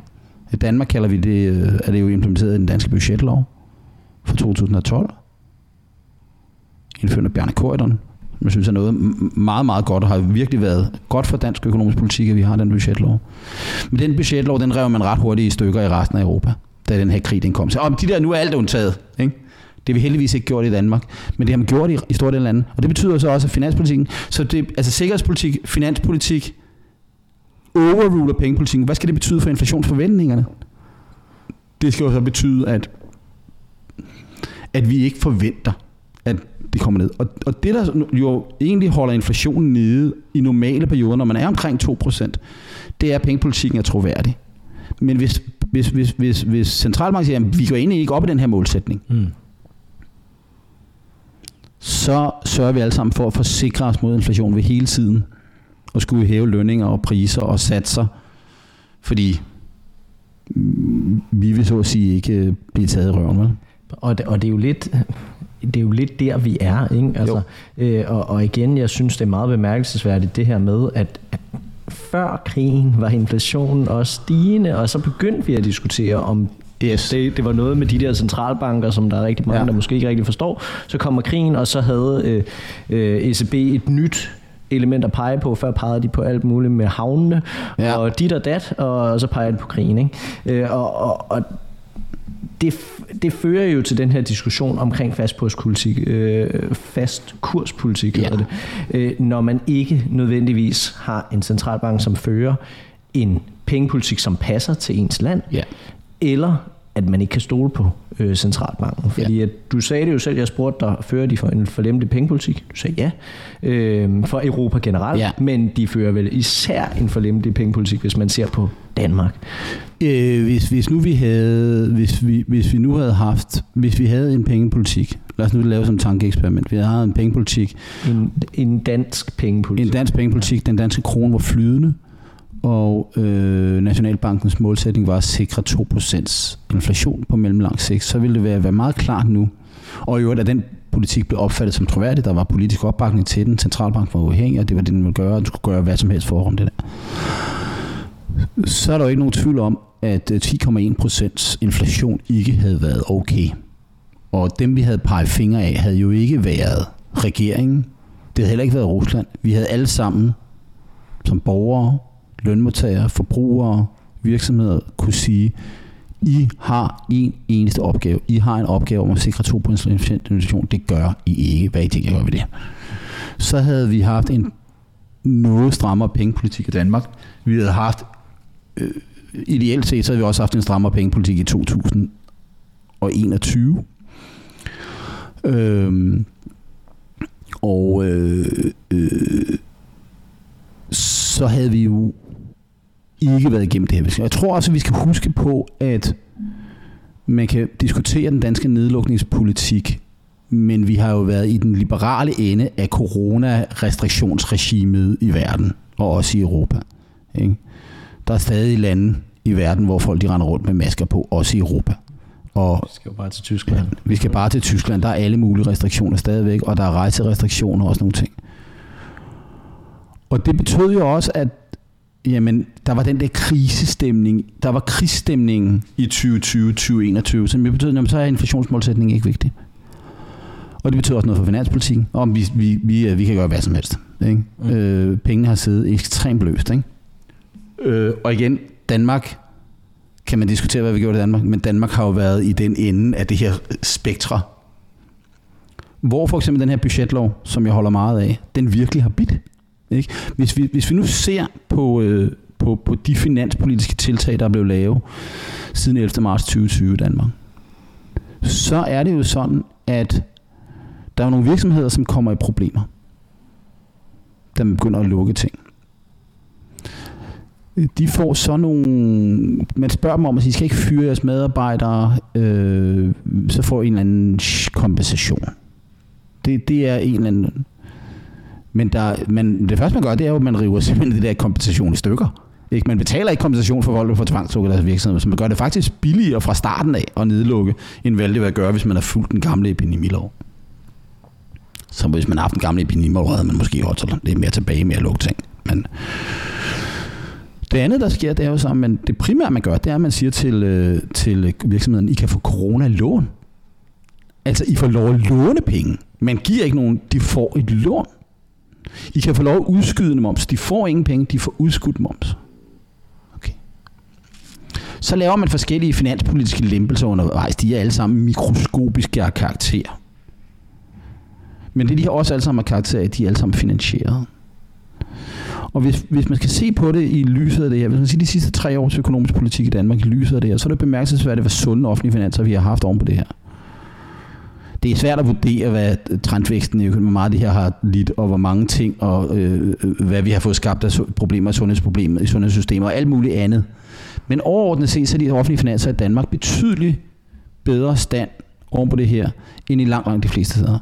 En af årsagerne er også, at vi har haft meget, meget store gevinster, som vi ikke nødvendigvis får igen. Altså, øh, der i, i, i 2020 og især 2021 meget, meget store aktiekursstigninger, øh, som jo bliver omsat til at vores allesammen pensionsdepoter bliver meget værd, og vi betaler den såkaldte palskat, så er der væltet milliarder ind i, i skat, statskassen i 2021 derfra. Så, så noget af det kommer fra heldet i det. Det jeg vil sige med det, med, med det her er jo, at vi sådan set har ført en finanspolitik, som har været i går sådan meget konservativ. Og det har vi gjort ikke fordi, at øh, Nikolaj Vammen, landets finansminister, er, har den, det instinkt. Jeg ved ikke, hvad for en instinkt han har, men han har én ting. Det er en budgetlov, der hver år i august siger, at han skal lige fremlægge en finanslov, som sikrer, at der basalt set er balance på de offentlige finanser. Man må have et lille underskud på en halv procent af BNP strukturelt. Men det betyder i princippet, at hvis man bruger en krone så skal han levere finansiering på en krone. Ikke nødvendigvis på samme dag, men strukturelt. Så hvis jeg låner nogle penge ud i dag, og jeg ved, at jeg får dem tilbage i morgen, så påvirker det ikke det strukturelt. Og derfor har vi set, at alle de her lånepakker, det har været skruet sammen på det her måde. Der er ingen, der taler om det årsagen, men det er den egentlige binding. De bindinger har man smidt væk i store dele af Europa. Mm. Hvis vi skal tale om fastkurspolitikens historie, Ja, for det, det, jeg synes lige, vi skal tage den ja. tidslinje der. Ja, fordi jeg tror, at det er vigtigt for at forstå, hvordan noget af det her det har ændret sig over tid. Vi starter i 1982, for 40 år siden. Nationalbanken har netop fejret med en konference fastkurspolitikens. Det lyder næsten som om, du var der. Jeg var der ikke. Jeg var der ikke. Øh, men, men jeg har hørt nok referater, så jeg ved, hvad der foregik, og det, det, det var ikke der er ikke noget specielt, jeg ikke var der. Men, men, men, men den konference øh, gav anledning til nogle spørgsmål, som vi måske kan tage op. Øh, det, der, det der er, er, er bemærkelsesværdigt, det er, at vi har haft den samme pengepolitik i 40 år. Og det har vi jo så alligevel ikke, fordi i 1982, der stod vi berømmeligt på afgrundens rand, som daværende finansminister Knud Heinesen sagde. Det sagde han ikke. Han sagde, at vi er på vej mod afgrundens rand, hvis vi ikke gør noget. Øh, det krævede så et regeringsskifte, for at der blev gjort noget. Men, og noget af det, man gjorde, det var jo, at man i 1982 sagde, nu ændrer vi vores pengepolitiske regime. Vi binder os til den tyske mark. Man kan basalt set sige, at man kiggede ud over verdenskortet og så siger, hvilke centralbanker i verden sikrer den laveste inflation? Hvem kan man stole på? Ja, hvem kan man stole på normalt? Og hvis man kiggede på perioden fra 68 til 1982, jeg skal nok komme tilbage til, hvorfor 68 er vigtigt. Fra 68 til 82, så var Schweiz og Tyskland de to lande i Europa, eller i den udviklede verden, hvor inflationen var lavest, og hvor man konsekvent havde, havde, havde sikret lav inflation. Og der kan man så sige, hvis vi nu godt vil have de andres troværdighed, så binder vi os bare til den tyske mark. Vi, vi, bare lige for at ja. Øh, spole bare lige lidt tilbage, fordi at, at, at 82 øh, er jo, er jo et, et, et skæbne på den måde, du siger, at, at vi stod på en økonomisk rand, og det ja. sagde de os selv osv. Altså, der var også noget i den dengang dansk førte pengepolitik, Ja, altså før 82. var uansvarlig. Ja. ja, men problemet er, og det er derfor, jeg siger 68, fordi vores pengepolitiske anker... Ikke Anker Jørgensen. Nej, ikke Anker Jørgensen. Man kan sige, at der er, der er noget, der er paradoxalt, når vi nu taler om, skal vi opgive fastkurspolitikken, og der har haft den i 40 år og sådan nogle ting. Så man siger, men sandheden er jo, at vi har faktisk haft fastkurspolitik meget, meget længere. Hvis, hvis, hvis vi går tilbage, og så bliver i, hvad vi kunne kalde moderne øh, moderne pengepolitisk historie, så starter jeg i 1875. Og det er selvfølgelig ret langt tilbage. 1875 har vi den skandinaviske valutaunion. Mm. Så lad os lige tage de der fra 1875 til i randen i super, super tempo. 1875 øh, binder de skandinaviske valutaer sig til hinanden. Og det er sådan set også derfor, vi hedder, at de danske og svenske og norske kroner nogenlunde ligger så tæt på hinanden. Og Det kan vi jo tage, tage i mente, at når vi nu ved, at vi har flydende valutakurser i Sverige og Norge og har haft det siden 92-93, vi ligger stadig nogenlunde samme sted. Der har været nogle bevægelser, men, men vi er jo ikke sådan, der kan ikke på sporet. Det kan man så ikke se om Island, øh, som havde, har haft perioder med meget, meget høj inflation, tæt på hyperinflation, og hvor en dansk krone til en islandsk krone er noget helt andet. Men for de, de, de tre skandinaviske lande, der ligger vi altså tæt på hinanden på daværende tidspunkt var Island en del af Danmark, og derfor havde danske kroner, så da Island var del af den skandinaviske valutaunion på den måde. Den, den har vi basalt set frem til 1. verdenskrig. Den skandinaviske valutaunion, den bryder den skandinaviske valutaunion er lidt speciel på den måde at, at sige, at danske, svenske og norske sædler og mønter var i omløb i alle tre lande. Mm. Hver land kunne udstede deres egne, og det er sådan set lidt som vi har nu. Men, men man havde bundet valutaerne til hinanden og til guld. Så det var en guldfod. Øhm, og man havde et, et, et samarbejde på den måde. Det bryder de facto sammen under 1. verdenskrig, da inflationen stiger alle steder, da man skal finansiere krigen. Nu er de tre skandinaviske lande jo ikke krigsførende, de er neutrale under, under, under 1. verdenskrig, men de får, den, de får en del af den der inflation. Det vil sige, fordi guldfoden bliver opgivet alle andre steder, guldpriserne begynder lige pludselig at bevæge sig, og så så bryder det, suspenderer man sådan set også øh, guldfoden i, i de skandinaviske lande. Efter 2. verdenskrig, øh, eller 1. verdenskrig, er der så sket så store forskydninger mellem de skandinaviske lande, at man ikke rigtig er i stand til at genoprette det. Så, så, så øh, den dør først i 20'erne officielt, men, men, men altså, den er død, skandinaviske valutaunion der. Men vi prøver at føre fastkurspolitik, vi prøver at, komme tilbage til, til en guldparitet, altså at binde os til guldet igen. Så fastkurspolitikken er ikke over for en anden valuta, men over for guldprisen. Og så i, øh, i, i, i 1931, der opgiver britterne, der devaluerer britterne pundet, sterling, som jeg sagde, i forhold til guldet. Ganske kraftigt. Og øh, det er et ret stort problem for Danmark, fordi det eneste, vi laver, det er at sælge bacon til britterne. Øh, og derfor jeg for sjov nogle gange har sagt, at den bedste valutakurspolitik for Danmark ville bare være at binde prisen til baconprisen, eller vores valuta til baconprisen. Øh, det ville det faktisk have været i 31, det ville givetvis også have været det sidste par år. Men, øh, men, men øh, jeg skal huske igen at understrege, at det er for sjovt at sige det, og for at illustrere en pointe. Øh, og fordi folk synes, det er skide sjovt, hvis de er nørdet nok. Men så får vi 31 den der devaluering, og så har vi i virkeligheden en periode fra 31 til 33, hvor, hvor valutakursen er, er flydende, indtil Kattelgade forlidet 33, hvor vi så øh, devaluerer og binder os så egentlig til pundet. Øh, og det gør vi sådan set frem til 2. verdenskrig, og sådan set også under 2. verdenskrig, men af naturlige årsager, der har tyskerne overtaget den danske nationalbank på det tidspunkt. Der er ikke rigtig muligt at have nogen selvstændig pengepolitik. Der er jo heller ikke nogen priser for alt er rationeret, og der er priser Efter 2. verdenskrig, øh, så, så får vi det internationale Bretton Woods-samarbejde, som er baseret på, og det er derfor, vi har IMF og Verdensbanken i dag, det er de institutioner, som skal, der skal stå for det her, men det er basalt set, at vi alle sammen binder os til dollaren. Og dollaren bliver bundet til guldet, og alle andre bliver så bundet til dollaren.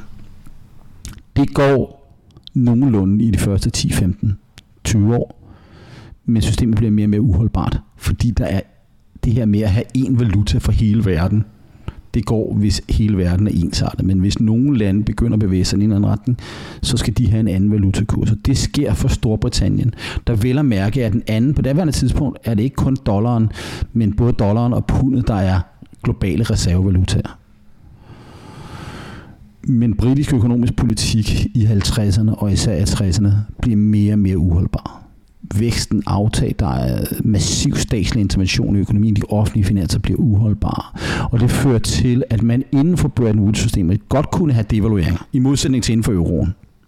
Så kunne man godt have justeringer, det gør man, så justerer man en gang imellem, så bliver noget opskrevet, noget nedskrevet, men basalt set var det et globalt valutaområde.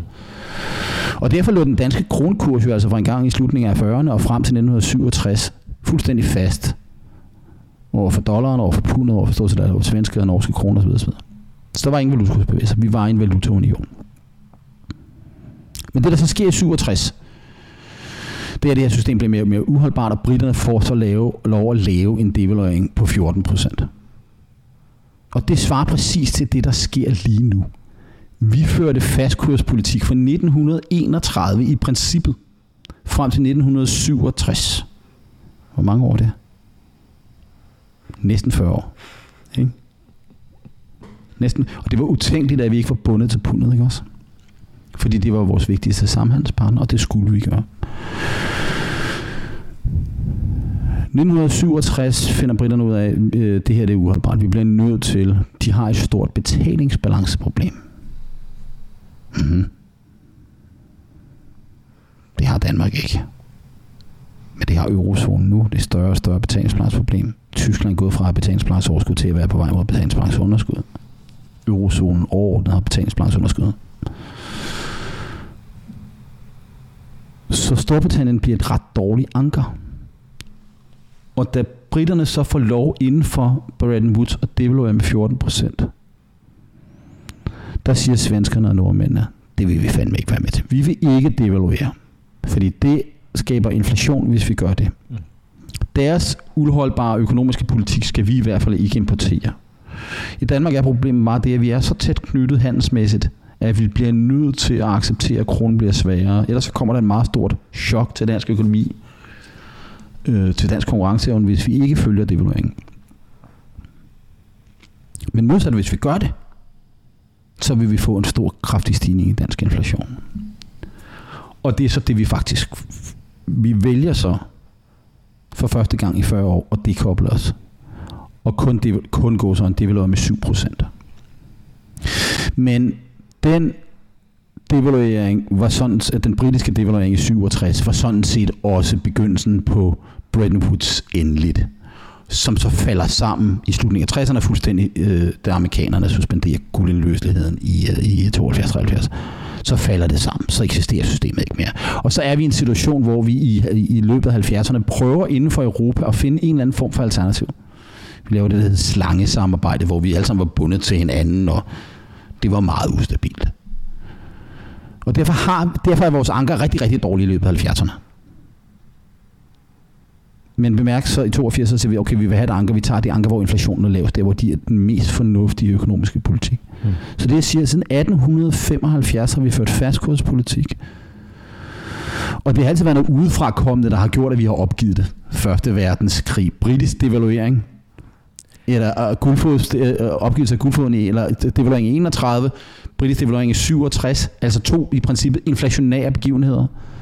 Er det fair at sige, at vi egentlig aldrig rigtig nogen har, siden har haft en selvstændig pengepolitik? Vi har haft selvstændig pengepolitik siden 1931, nej, 1931, 1932, 1933. Så under, under tre år. Ellers har vi haft været bundet til et eller andet.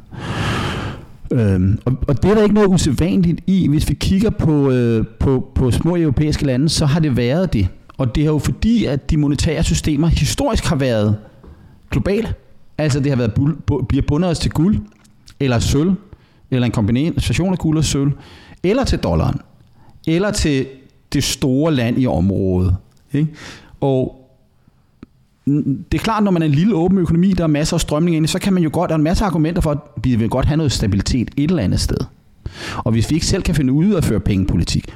Da vi står i 1982, der er vi jo som nation fuldstændig smadret vores selvtillid. Altså, vi er jo elendige. Altså, jeg, jeg, jeg, jeg plejer at fortælle om, altså jeg var 11 år i 1982, mine forældre havde farve-tv, men jeg, jeg plejer altid at sige, at Anker Jørgensen var helt grå, og han var i sort-hvid. Alle andre var i farve, men Anker Jørgensen var i, i sort-hvid, fordi det var bare den der følelse af, at vi kan ikke noget. Det, vi, vi, vi havde som nation mistet al selvtillid til det, vi gjorde med den økonomiske politik.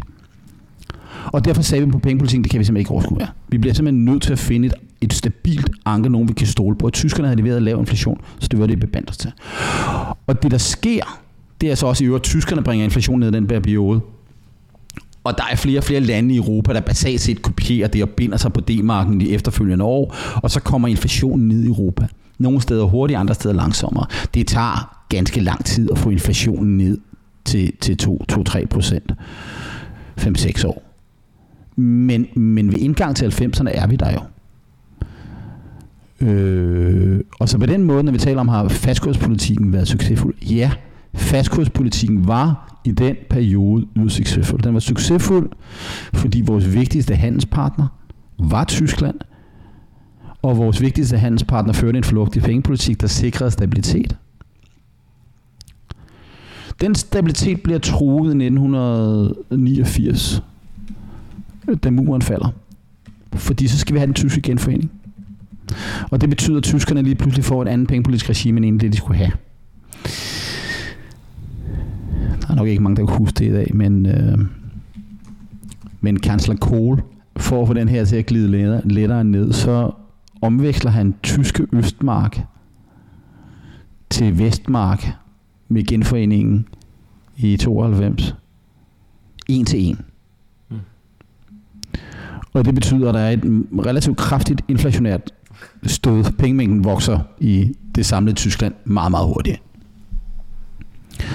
Fordi Østmark var slet ikke noget værd. Nej, nej. Så, så øh, Svar til rubler, eller det ved Ja, ja, et eller andet. Ja, ja, altså faktisk, ja, jeg vil faktisk ikke helt, at, dansk, at danske kroner mod rubler, tror jeg faktisk ikke, at det var helt, øh, helt, helt over for at sige, at rublen lige pludselig var, havde en til en værdi på den danske krone. Så det var, det var en meget voldsom pengepolitisk lempelse. Det kan Bundesbank selvfølgelig ikke lide, fordi vi sikkert lave inflation, så de begynder ret kort tid efter det faktisk at hamre renterne i vejret. Øh, der er ikke nogen lande i begyndelsen af, af 90'erne, der har behov for den pengepolitiske stramning. Danmark har på det tidspunkt 10-12 procents arbejdsløshed. Øh, vi har betydeligt behov for en betydelig lempeligere pengepolitik. Og der opgiver vi faktisk fastkurspolitikken der i øh, noget af det første, der sker for nyrup regeringer, og det, det er der ikke ret mange, der husker. Men, men det er vi i, i 93 faktisk udvider udsvingsbåndet. Vi lader den danske krone, som jo ellers var bundet til D-marken med et udsvingsbånd på plus minus 2,25 procent, og sige udsvingsbåndet, så Nationalbanken skal holde den på et fast niveau, men inden for et bånd. Så der er lidt frihed, så at sige. Så hvor meget kan den være? 7,5 eller? Ja, det var det jo, så nu taler vi så D-mark, men ja, ja, ja, ja, men, ja, ja, ja, ja. ja. Men så udvider vi den altså til plus minus 15 procent Øh, og så blev den danske krone faktisk svækket ganske kraftigt.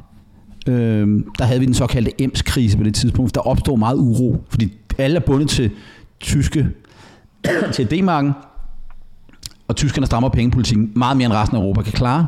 Og så, så, bliver den der, så bliver den der fastkurspolitik alle mulige steder lige pludselig ikke troværdig. Og der kommer pres på en række valutaer.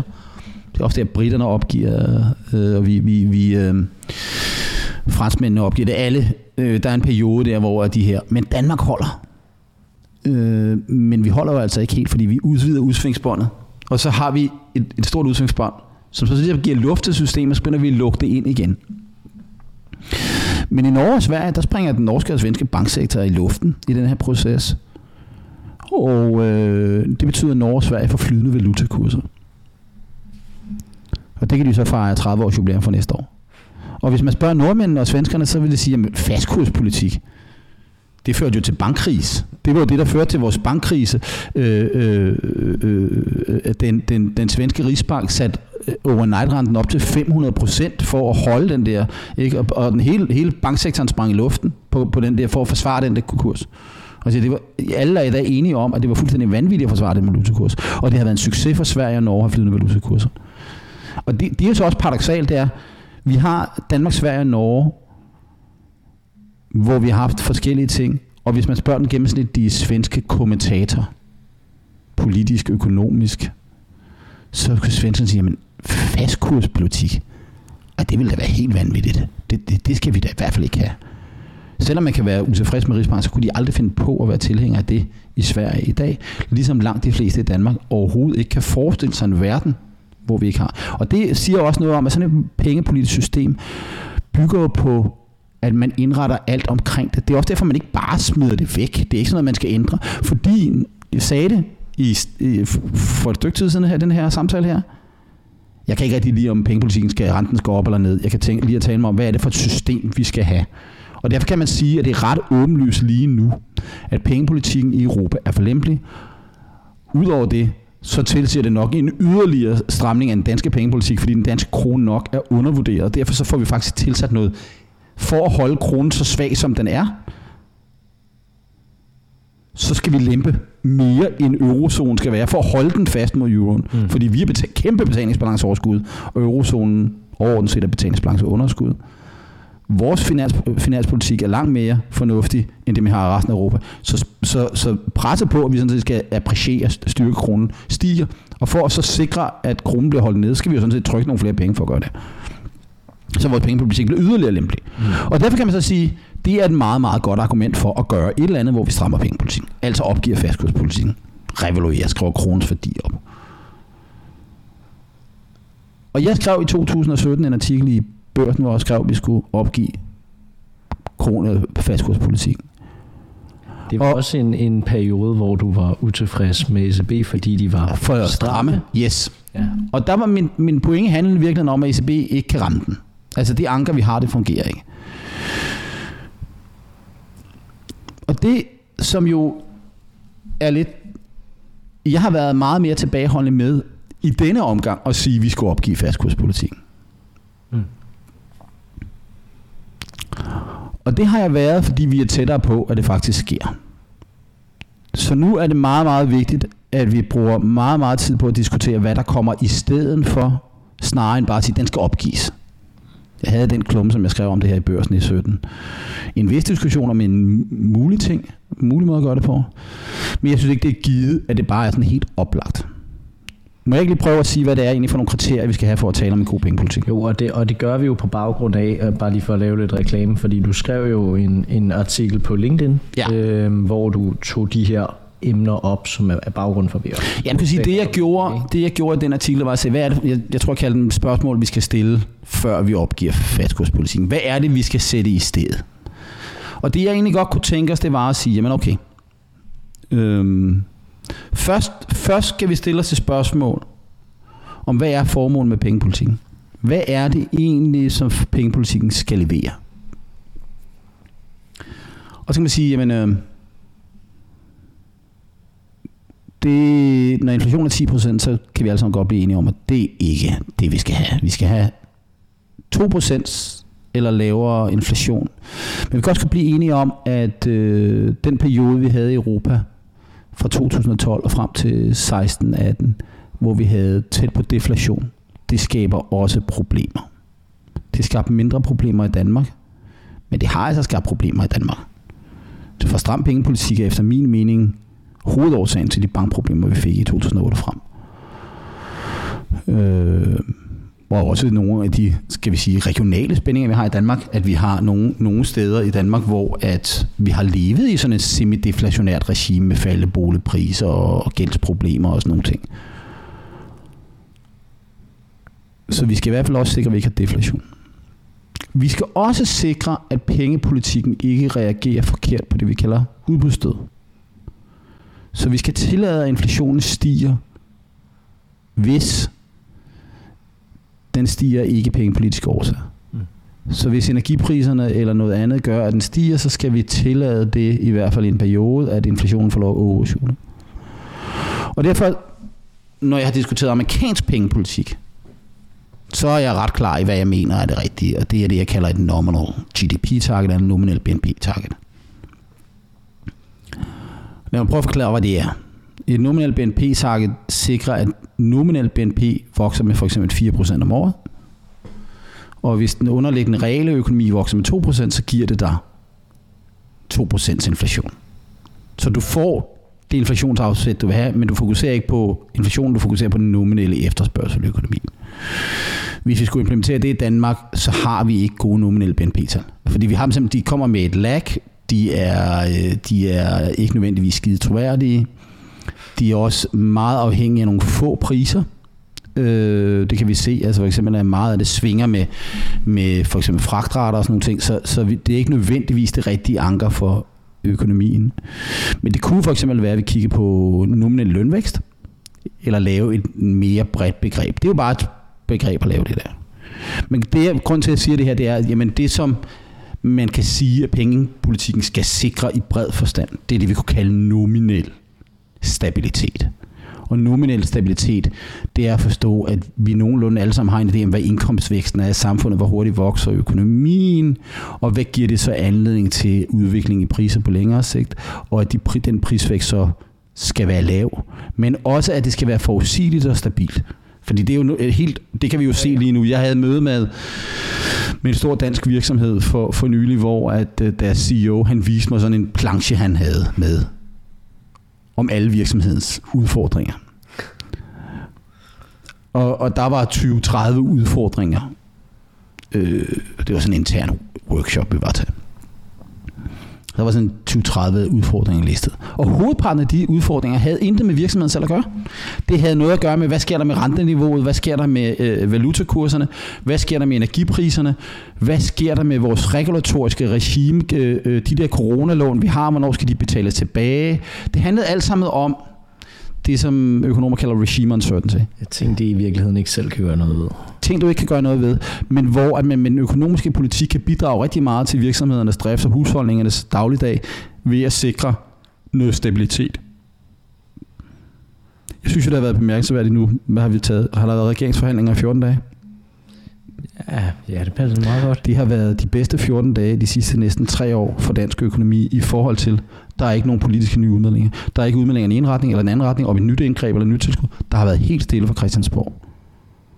Hvis man sidder ude i dansk erhvervsliv, hvis man sidder som husholdning og skal træffe beslutninger, så er det faktisk den verden, man helst vil have i.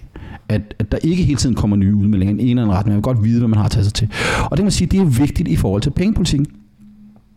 Så lad os, lad os bare for nemheds skyld sige, at vi, vi laver en, en inflationsmålsætning på 2%, som tager hensyn til, at der også kan være nominel stabilitet, og vi skal reagere på, på det her. Øhm, men den kunne vi jo godt indføre, og det er jo det, vi har gjort i Danmark, ved at have fastkurs.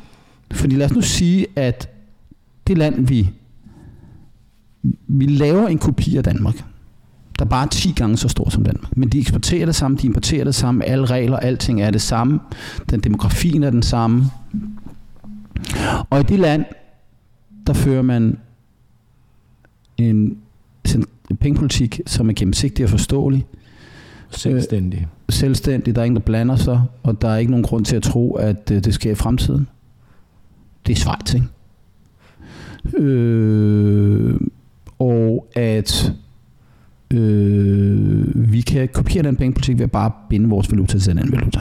Og hvad, hvad er inflationen i Schweiz? Ja, den er jo så øh, øh, ja, den er jo 3,5-4 procent. Ja, meget lavere end Man kan lavere. det, vi har. Nu, nu foreslår jeg ikke, at vi skal binde os til Schweiz, Nej, nej, fordi det- for Schweiz er nemlig ikke den samme økonomi som Danmark, men kan siges på mange måder lige måske øh, mere Danmark end eurozonen lige nu, og det er måske lidt bemærkelsesværdigt.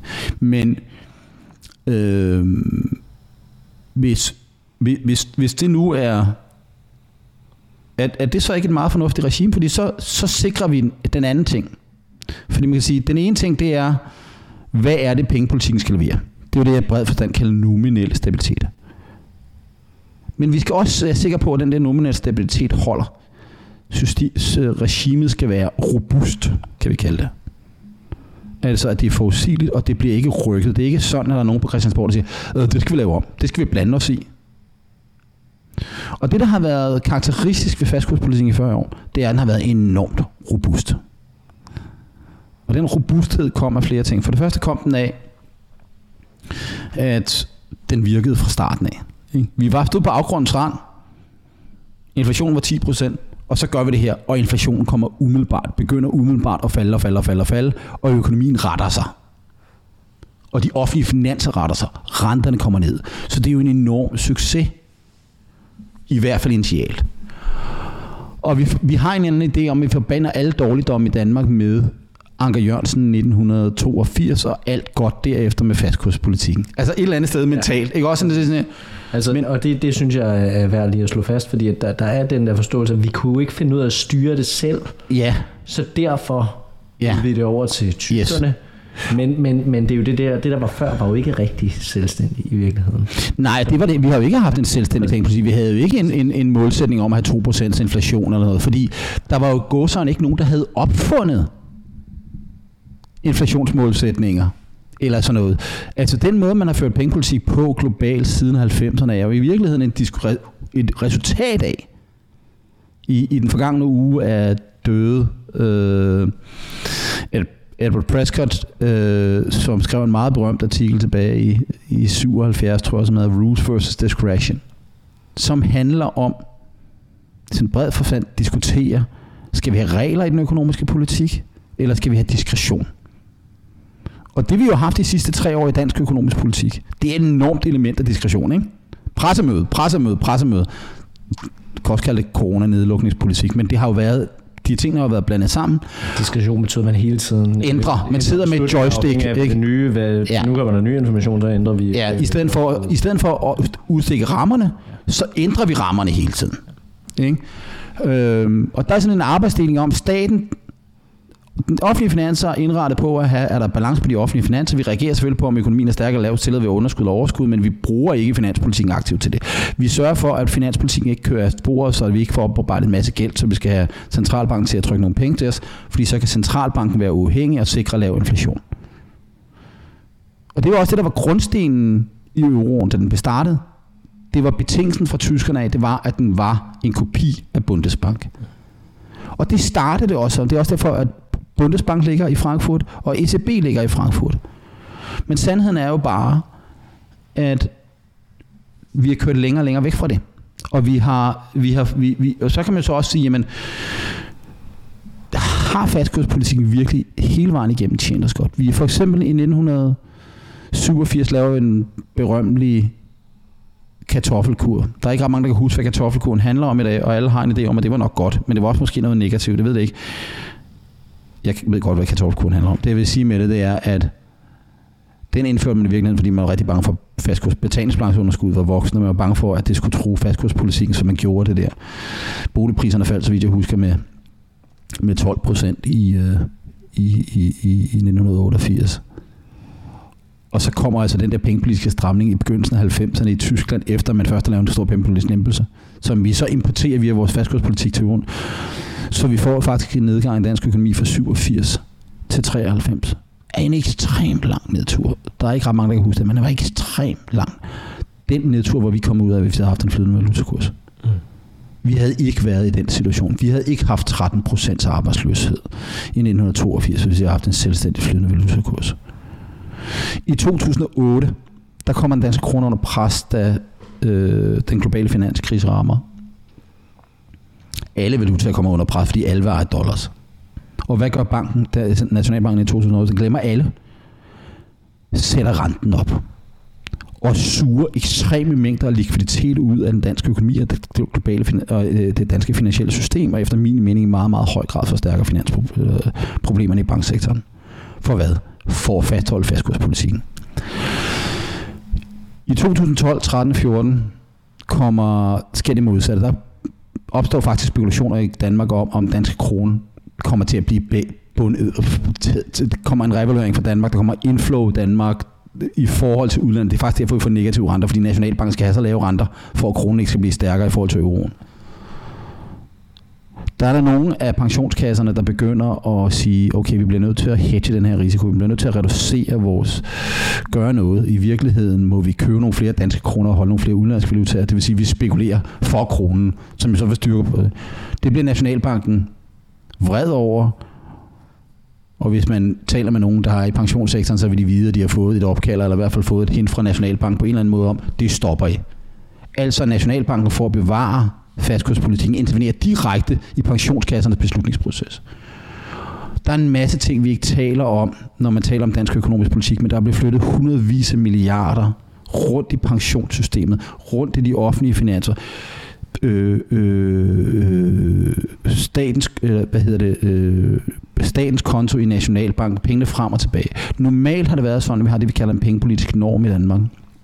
Den pengepolitiske norm tilsiger, at finanspolitikken ikke må have indflydelse på pengepolitikken. Mm. Man må sige, hvis man lemper finanspolitikken, så må det ikke føre til, at der kommer flere kroner og øre i om det. Så må det ikke påvirke pengemængden. Hvilket vel er en god norm. Det er en rigtig god norm, fordi så adskiller vi finanspolitik og pengepolitik. Pengepolitikken er bundet til det der. Men, vi har, vi har, men sandheden er bare, at den norm har vi ikke opfyldt mm. siden 2008. Den har i princippet været suspenderet. Og det har man gjort for at sikre fastkurspolitikken. Og derfor kan man sige, at siden 2008 er systemet blevet mere og mere.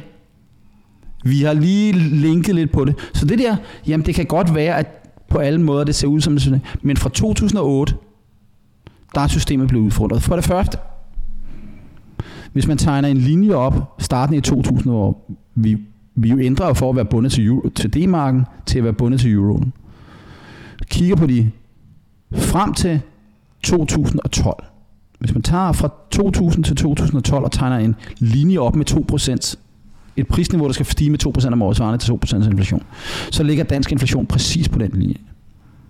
Men fra 2012 og frem til 2019, så er vi markant under den linje. Mm. Fra 2019 og frem til nu er vi jo så kommet markant over den linje. Vi havde så noget, vi skulle indhente, men nu er vi altså kommet over den linje. Så man kan sige, de første 12 år, der leverede vi den her nominelle stabilitet, som jeg talte om. Men det har vi altså ikke gjort i de sidste 10 år. Og så kan man spille sig selv det spørgsmål, er der noget, sket noget i eurozonen, der gør, at eurozonen fremadrettet skulle blive bedre til det her?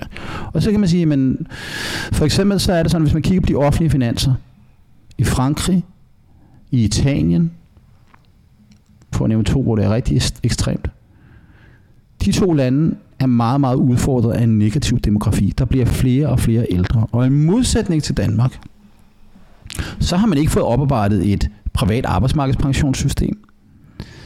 Man har haft stigende offentlig gæld, hvor vi i Danmark altså de sidste 40 år har brugt meget, meget af vores tid på at reducere den offentlige gæld, og i virkeligheden forberede, at vi bliver flere ældre. Det har vi ikke gjort. Det vil sige, at underliggende set, så er der en enorm pres på de offentlige finanser. Det er der også i, i delvis i Tyskland, men især i Sydeuropa. Vi har meget lavere øh, trendvækst i Italien for eksempel. Italien har i dag BNP per capita nogenlunde, hvor det var for 20 år siden. Altså en økonomi uden vækst. Og så kan man sige, okay, er det, altså er det dem, det er de lande, altså bliver de problemer, der har været de sidste 10 år, bliver de mindre de næste 10 år? Og der har jeg nok sådan, nej, det gør det ikke. Og det er derfor, at øh, hvis man skal have en diskussion om fastkurspolitikken, så er det i virkeligheden der, diskussionen starter. Det er, det anker, som i 1982 var det rigtige, og det anker, som virkede i hvert fald fra 82 og frem til slutningen af 80'erne i forhold til at få inflationen ned. har været igennem et par kriser. Der kan man sige, at det vil andre systemer også have været fint nok. Men, men, men, men, men det er bare ikke det samme anker. Og jeg, og jeg hvad hedder det, professor Thomas Barnebæk på, øh, på Syddansk Universitet, der skrev det på Twitter meget, meget fint. Det er ankeret, der er problemet. Mm. At det er ikke fastkurspolitikken i sig selv. Det er ikke det at binde sig til en anden valuta. Det kan godt være en god måde at sikre det her på. Men hvis man, hvis man nu får hvis det nu er fastkurspolitikken i sig selv, der var det, så kan vi sige, okay, øh, er der nogen i deres, ved deres fulde fem, der kunne foreslå, at vi skulle binde os selv til en K af den argentinske peso og den tyrkiske lire? Så vil vi sige, nej, så vil vi jo få 200% inflation meget hurtigt. Ja, godt. Så det er ikke det, vi vil have. Så vi vil binde os til noget, som leverer varen. Og eurozonen leverer ikke varen. Og det er, det er den første. Og så kan man så sige, hvad er det så, vi vil sætte i stedet for? Og der er jeg ikke nødvendigvis sikker på, at vi skal have en fuldstændig flydende valutakurs. Jeg kan forestille mig mange alternativer. Øh, grund til, at jeg ikke er sådan nødvendigvis, at vi skal have en flydende valutakurs. Mm-hmm. Det er jeg øh, den pengepolitiske ekspertise i Danmark. Den er der ikke mere nu. Jeg er ikke sikker på, at nogensinde har været der. Altså, det, det er jo en af omkostningerne ved at føre fastkurspolitik, det er, at der, der, det er jo meget let at føre fastkurspolitik. øhm, ja, berømte anekdote om, øh, hvor let det er at have centralbanken. Det, ja, altså han skal spille meget golf, eller hun skal spille meget golf. øhm, altså, og, og, og, og det, det, er, det er altid let at føre pengepolitik, hvis man har meget klart definerede regler. Øh, og derfor så skal vi have en diskussion med alt det andet. Jeg tit, dem der, der, man kan jo sige, især på de sociale medier, er der jo det sidste års tid i stigende grad kommet nogen, der siger, hey, vi skal opgive det her. Ikke? Øh, vi, har jo, vi har fået øh, tidligere justitsminister Søren Pind, som jo er justit, øh, jurist, og han øh, øh, øh, deltager aktivt i, øh, i, i, i Twitter-debatter om fastkurspolitikken. Og jeg synes, det er en interessant ting, og man kan diskutere hans façon, og man kan diskutere hans manglende indsigt i det. Det er helt oplagt, at han jo ikke er økonom. Men det, jeg kan se, sige med det her, det er, jamen det, der sker lige nu, det er det åbenlyst for enhver, at det her er ikke holdbart. Og hvis vi kommer til en situation, at inflationen, hvis vi laver et follow-up-program om det her om et år, og inflationen så er 7%, og ikke rigtig har egentlig vist nogen tegn på at være for nedadgående, mm. og systemet stadig er fyldt, så er jeg ret sikker på, at den politiske debat i Danmark er begyndt at skride. Og det jeg også bemærker, det er, at inden for de sidste to-tre uger, så er antallet af kronikker for diverse danske økonomer, der siger, og det der er karakteristisk for de økonomer, der siger det her, det er det næsten alle sammen universitetsøkonomer. Jeg ved også til den øh, øh, øh, fejring af 40 jubilæet for fastkurspolitikken, der var et par CBS-professorer til stede, som vist også havde stillet spørgsmål til Nationalbanken om, jamen er det her det rigtige? Altså helt åbent, ikke? Og jeg, jeg tror, at det er universitetsøkonomer, det er handelshøjskoleøkonomerne, som jo i høj grad begynder at sige noget af det her, som siger, hov, jamen det virker jo ikke. Altså, og grunden til, det er dem, der siger det, det er, at de er uafhængige. De er ikke bundet af et eller andet setup. Kommer ikke til at høre bankøkonomerne sige det her, for bankøkonomerne skal i hvert fald ikke rock the boat, skal ikke skabe en politisk diskussion. Og vi kommer heller ikke høre det til at høre det fra Christiansborg, fordi hvis der er nogen på Christiansborg, der siger det, så, så kommer det for tæt på, at det kan rykke noget. Mm. Ja. Og så er der sådan, sådan nogen som mig, som er oprigtigt uafhængige. Nu er jeg godt nok tilknyttet øh, øh, deltid CBS, øh, men, men, men, men, øh, men jeg er min egen rådgivningsvirksomhed, så jeg kan sige, hvad det er. Jeg, jeg, men jeg har, så jeg har kun min troværdighed, og det er også derfor, jeg siger det på en, forhåbentlig på en måde, så man alle kan forstå, at jeg ikke bare foreslår, at man smider noget væk, uden vi ved, hvad der er i stedet. Men vi er også der, hvor vi bliver nødt til at have den her debat og vi bliver nødt til at sætte nogle pejlemærker op på en eller anden måde om, hvor lang tid skal vi acceptere, mm. at et, fordi det anker vi har, jeg, jeg sagde to kriterier. Et, vi skal have nominel stabilitet, og så skal vi have et robust penge, at det ikke, at vi ved, at der også er nominel stabilitet om tre år. Og sådan som eurozonen har haft det, og hjælpepakker, og altså lige så snart renterne begynder at stige, så skulle vi jo redde tagen, ikke? Mm. Så skulle vi have en særlig mekanisme for at redde tagen.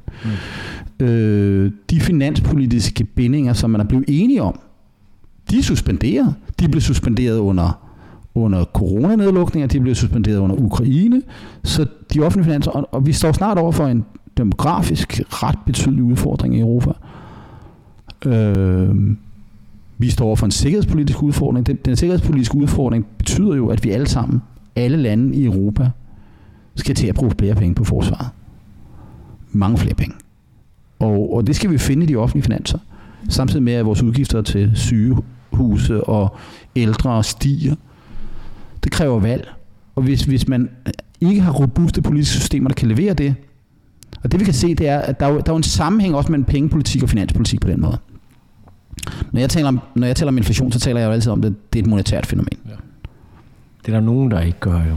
Ja, men det er der nogen, der ikke gør, men nogle af dem, der gør det på den bedste måde, det er dem, der taler om fiscal theory of the price level. Mm. John Cochrane for eksempel, uh, University of Chicago. Nu skulle man tro på Chicago, de var ordentligt uddannet i monetarisme, men, men, men, men, men de er uddannet i budgetrestriktionen. Og budgetrestriktionen er jo meget simpel. Staten kan finansiere de offentlige udgifter på tre måder. Den kan opkræve skatter, den kan udstede gæld, eller kan bede centralbanken om at trykke nogle penge til den. Det er Argentina. Og så taler man om det, der hedder fiscal dominance. At hvis finanspolitikken bliver uholdbar, mm. så må det før eller siden lede til en forventning om, at pengepolitikken skal lempes. Så derfor er det en betingelse for en uafhængig centralbank, at der er orden på de offentlige finanser. Mm. Og så kan man jo spørge sig selv, om der er det inden for euroområdet. Og der må vi sige, at vi i sidste 10 år har haft ganske betydelige grunde til at stille spørgsmålstegn ved det. Og de grunde er ikke blevet mindre. Nej, nej, vi taler jo stadig om Italien eller Tyskland for det. Ja, og for Tyskland, ikke? Præcis. Og, ikke så meget om Danmark. Nej, og det er fordi, at vi har brugt 40 år i Danmark på at opbygge finanspolitiske institutioner, som sørger for, at der er balance i de offentlige finanser, og vi har skabt et langsigtet holdbarhed i de offentlige finanser. Det bliver vi ved med at diskutere, men, men heldigvis ser det ud som om, at de der institutioner, de holder. Det gør de også i Sverige, det gør de også i Norge, men det gør de ikke i store dele af Europa, og det er det, der er vores anker. Så hvis de ikke leverer nominel stabilitet, og systemet ikke er robust, så må vi jo finde ud af noget andet end andet system. Og så kan jeg på papiret skrive mig ned og sige, okay, jeg tror, at det her system vil levere nominel stabilitet, men det kræver, at der også er et institutionelt setup, der fungerer i Danmark, at vi kan gøre det på en måde. Og det, nu, lad os nu komme med en meget simpel, ja. en meget simpel måde at gøre det på. Vi kunne jo bare sige, vi har 2% real BNP-vækst i Danmark, og øh, vi har øh, vi har øh, øh, vi har vi vil have 2% øh, vi vil have 2% inflation. Så det kræver øh, cirka 4% nominel BNP-vækst. Så nu laver vi et system, hvor vi har fast valutakurspolitik, men over for en kur valutaer. Vi vælger fem lande, øh, som vi siger skal have et eller andet niveau af ordentlige institutioner og et eller andet omfang af samhandel med Danmark. Øh, så det vil blive USA, Eurozonen, Sverige, Norge, Storbritannien, et eller andet, vi skulle have noget samhandel. Men vi vægter vores valuta, hver valuta vægter med, hvor gode de lande er til at ramme den målsætning, som vi har på 4%. Så hvis USA leverer 4% nominel BNP-vækst, så er det dem, vi vægter mest mod. Hvis eurozonen leverer, så er det dem, vi leverer.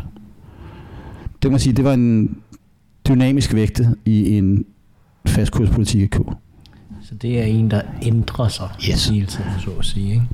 Det her er ikke et forslag, jeg har. Det er bare at sige, er der, er der nogen grund til at tro, at det system er svære at forstå? Vi er bare har en fastkurspolitik over for fem valutaer eller otte valutaer, hvor kurvene gradvist, man kan jo sige, det annoncerer vi en gang kvartalet, hvad kurven skal være. Vi laver et udsvingsbånd på plus minus, måske ikke 2,5%, men på 5%. Hvorfor skulle det system på nogen måde levere noget, der var dårligere, end det vi gør i dag? Det her er meget, meget svært at se. Mm. Og det kræver meget, meget lille intern ekspertise. Ikke? Øh, vi kan også bare sige, det er gået meget godt i Sverige eller Norge. Øh, der er nogle ting, vi skal have rettet. Øh, New Zealand gør det også meget godt, og Schweiz gør det også meget godt. Måske vi bare skulle tage og kopiere dem. Lad os flyde valutakursen. Flydende valutakurs. Ja, præcis. Hvorfor, så- hvorfor, hvorfor ville det ikke være bedre bare at gøre det? Jamen det er også muligt, det er bedre. Mm. Men, men, men det, vi skal, det vi skal afveje, det er at sige, kan vi levere det, det rigtige afkom nominel stabilitet, samtidig med at vi sikrer det er robust. Mm. Så det kan godt være, at jeg kan skrive den optimale pengepolitik ned som ligninger. Det her er den rigtige pengepolitik at føre, hvis vi havde, hvis vi selv skulle gøre det med vores egen robot. Og så siger jeg, det er ikke så godt med den der robot, fordi det er ikke robust. Politiske system begynder at blande sig. Øh, der skal udpeges en ny national. Vi skal jo for eksempel, hvordan, hvordan udpeger man en ny nationalbankdirektør? Det gør den kongelige bankkommissær Simon Koldrup, erhvervsministeren. Mm. Det er ham, der udpeger, hvem der skal være ny nationalbankdirektør, når Lars Rode han går på pension her 1. januar.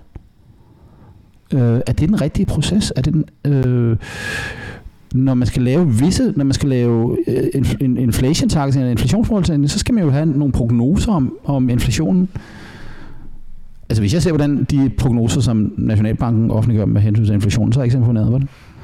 Øh, er de gode til det? Øh, det ved jeg ikke, om de er. Det er nok ikke de bedste til det. Der er ikke opbygget et apparatur. Og så kan man sige, Lars, we'll learn on the go. Det gjorde svenskerne og nordmændene. Og øh, vi skal jo på et... Altså, det kan jo ikke... Vi kan jo ikke... Altså, det, det svarer sådan lidt, at vi, vi, vi er i en bygning, som er begyndt at brænde. Mm. Ikke også? Og, og vi kan godt gå relativt stille og roligt ud af døren. Øh, men vi tager ikke vores jakke med, og det er koldt udenfor. Ikke? Altså, så bliver vi jo ikke siddende inde i bygningen og sige, Nå, altså. Og det, nogle gange har, har jeg lidt en fornemmelse af, at vi, vi, må, vi må overhovedet ikke tale om det, fordi hvis vi taler om det, så bryder systemet sammen, og vi må ikke gå væk fra det, fordi vi ved ikke, hvad vi har i stedet for. Nej, men så kunne vi i hvert fald gå i gang med at diskutere en plan B. Mm. Eller en ny plan A, vil jeg rettere sige. Ja. Ikke? Fordi plan B, eller den plan A, vi har nu, som blev til plan B, da vi kom med i euroen, og så er det blevet til plan C, D, E, F. Fordi jeg tror, det er jo det samme, det er igen, sige, havde vi, havde vi stået, altså hvis vi nu i 1993, da vi udvider udsvingsbåndet, og Sverige og Norge flyder deres valutaer, hvad hvis, hvad hvis vi havde, hvad hvis vi, jeg, jeg har svært ved at se, at der er nogen, der kan påvise, at hvis vi på samme tid havde opgivet fastkurspolitikken i 93 og indført en inflationsmålsætning og lært on the go som svenskerne og nordmændene, at vi i dag ville stå et værre sted. Mm. Det, det tror jeg, det kan, det kan man ikke påvise, vel? Og det kan man sige, okay, så er overgangsproblemet måske heller ikke større. Men det er da klart, at vi bliver nødt til også at have en diskussion om, hvad er, hvad er alternativet. Og jeg, jeg deltager gerne i den diskussion, gør det også offentligt. Øhm, og jeg har ligesom prøvet at liste nogle af de der spørgsmål, vi skal stille og sådan noget. Og, og, og, og, øhm, og det vil være ret uansvarligt, hvis en, en ny regering, når vi får sådan en, ikke i hvert fald bag lukkede døre, begynder at overveje det her. Men også at de folk, som sidder ude på, og professorer ude på uddannelsesinstitutionerne, har en forpligtelse til at deltage i den offentlige debat om det her. Og Nationalbanken bør også internt i hvert fald begynde at overveje det her. Øh, øh, men jeg er også tidligere embedsmand øh, i økonomiministeriet, og, øh, og jeg kan huske, hvordan, og nu taler vi også tilbage i sidste halvdel af 90'erne, og økonomiministeriet havde på daværende tidspunkt ansvaret for fastkurspolitikken. Det var totalt no-go internt overhovedet at tale om, kunne der være et alternativ, som vi kunne putte ned i en skuffe. Mm. Så jeg er ret sikker på, at der eksisterer ikke et notat til nogen minister, der outliner nogle af de her alternativer, for det kan man slet ikke tænke sig. Øhm, men igen, jeg, vi skal 1. sige, levere fastkurspolitikken nominel stabilitet, og er regimet robust. Og kan vi lave et system, der vil have et bedre højere niveau af nominel stabilitet, der er mindst lige så robust eller mere robust. Og der er mit svar, ja, det kan vi godt. Vi kan godt skifte. Resten af Danmark er ikke overbevist. Det politiske Danmark er ikke overbevist.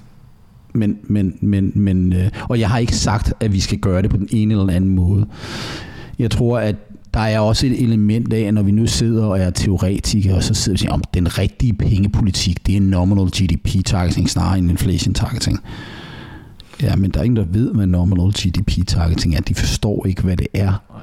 Øh, man kan også sige, at nogle gange så er det jo lidt sådan her, det er jo sådan lidt det samme med diskussionen om grundloven. At den danske grundlov er jo skrevet, er jo et kompro, en kompromisgrundlov. Ikke? Det var kongen og det bedre borgerskab, der fandt ud af, at vi skal have et eller andet her. Og så laver man en grundlov, som man jo så har revideret nogle omgange, men som jo blandt andet har nogle, må man sige, ud fra demokratisk syn, besønderlige be- beføjelser til dronningen, eller til noget af en konge, i forhold til at stoppe lovgivningen. Altså, Margrethe kan jo lade være at underskrive en lov, og så er den ikke lov, før hun har underskrevet den.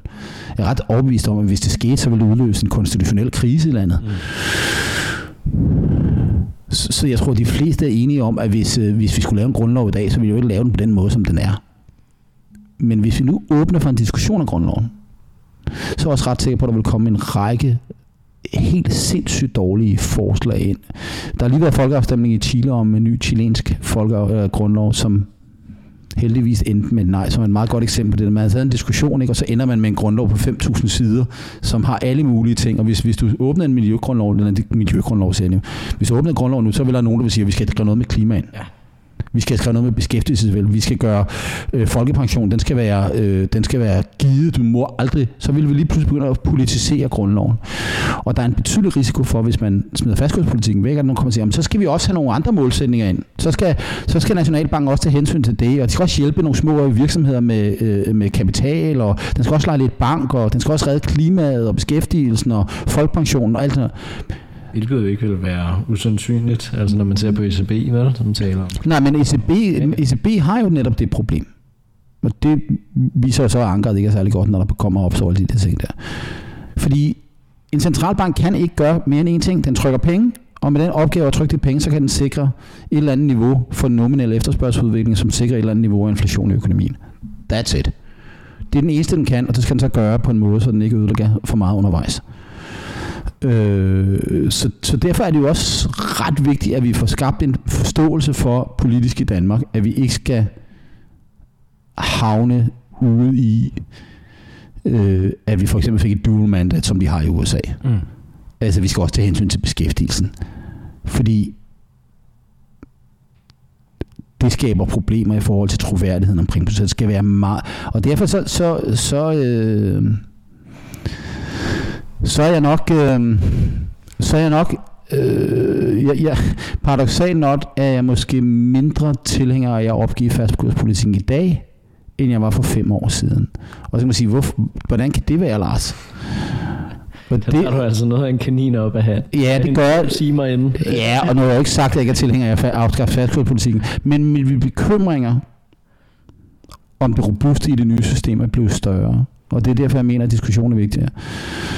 Det, jeg, jeg, øh, øh, øh, øh det, og det er jo lidt paradoxalt, altså fordi lige nu er inflationen det helt store problem. Så nu tror jeg ikke, at der er ret mange andre, der har lyst til at smide alle mulige andre øh, ting ind, end, end, end inflationen bare skal være lav, og det også skal være centralbankens, Danske Nationalbanks målsætning, hvis vi har en flydende valutakurs. Men jeg, jeg, jeg, jeg vil være meget ked af, at vi bare sagde, okay, øh, find ud af det. Øh, og, og det er derfor, at jeg blandt andet har skrevet den uh, LinkedIn-artikel, som jeg skrev der. Der er vigtige spørgsmål, vi skal stille os undervejs i den her proces. Og det er jo i virkeligheden fordi, at hvis jeg skrev det for fem år siden, så er der nogen sagt, men altså, hvorfor, hvorfor nævner du det? Der er ikke, der er ikke, det har jo ikke nogen gang på jord. Men sandheden er jo, at virkeligheden har ændret sig så meget lige nu, at nu begynder det altså at blive en helt reel diskussion Øh, og derfor er der nogle praktiske hensyn, yeah. vi skal begynde at overveje, fordi det handler ikke bare om fastkurspolitik eller ej, det handler måske mere om, hvordan yeah. øh, man eventuelt kunne gøre det. Yeah. Og, og, og hvis vi nu havde haft den diskussion i 1967, da britterne devaluerer med 14%, og vi devaluerer med...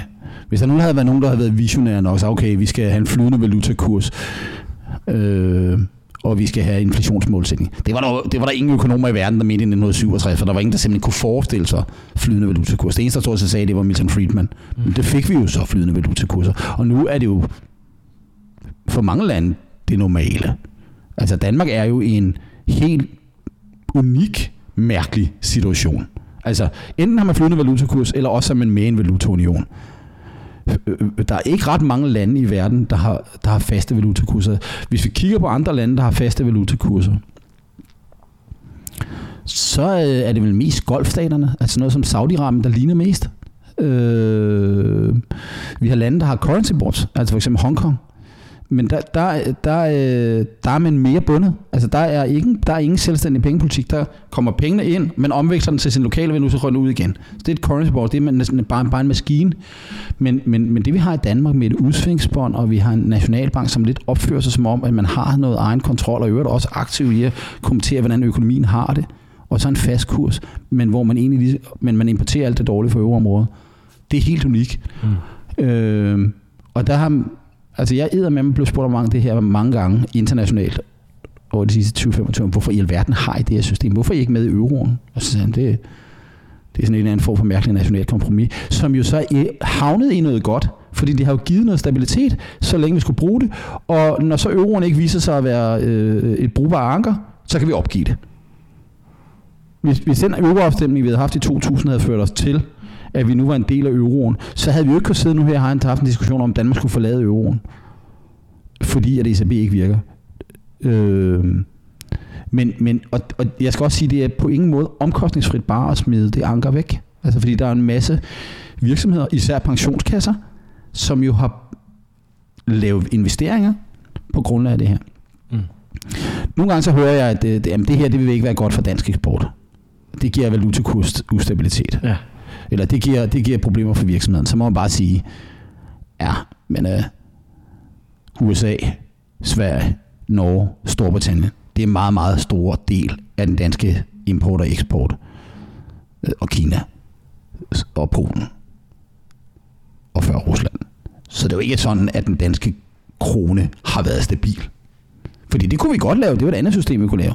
Vi kunne sikre, at vores nominelle reale eller nominelle valutakurs var stabil. Det vil så kræve, at vi justerede hele tiden i forhold til en hel valuta, når de bevægede sig. Mm. Øh, men vi har jo altså ikke en fastkurspolitik på den måde at forstå, at kronen ligger fast over for alle valutaer. Det kan den af gode grunde ikke, fordi de flyder. Øh, vi har vi er bundet, bundet over for en, men det kunne jo lige godt have været Schweiz og Franken. Og igen, det foreslår jeg ikke men vi havde været noget bedre sted i dag, havde været bundet over for Schweiz og Frank de sidste to år. Ja, ja, vi flyder over for en masse andet, ja. ikke? Svensk, norsk, øh, amerikansk videre. Præcis. Øh, jeg tror, vi er nødt til vi skal stoppe. At, at stoppe, øh, fordi at øh, vi har kørt i, i over to timer. øh, og, og det er super interessant, øh, og nu er debatten i hvert fald startet. Jeg kommer til at linke til din artikel øh, her, øh, så folk kan læse den. Og øh, Ja, det er jo også, altså når man først sætter dig i gang med at tale om inflation og fastkurspolitik, så kommer man øh, aldrig jeg, tilbage. Jeg tror måske også, at det understreger, at diskussionen om pengepolitikken og diskussionen om øh, fastkurspolitikken ikke egner sig til diskussioner på Twitter med 240 tegn, eller til tre minutter i TV2 News, fordi det her er ekstremt kompliceret stof, og det er noget, som har meget, meget store effekter, hvis vi gør det. Men det har også meget, meget store effekter, hvis vi bare lukker øjnene og ser, at problemerne går væk. Og med de ord, så vil jeg sige tak, fordi du vil være med igen, Lars. Det var en fornøjelse. Tak. Tak for, at du lyttede med til Rig på Viden. Jeg håber, at du lærte noget, og hvis du nu synes godt om vores podcast, så kan du støtte os ved at følge den på Spotify eller skrive en anbefaling på iTunes.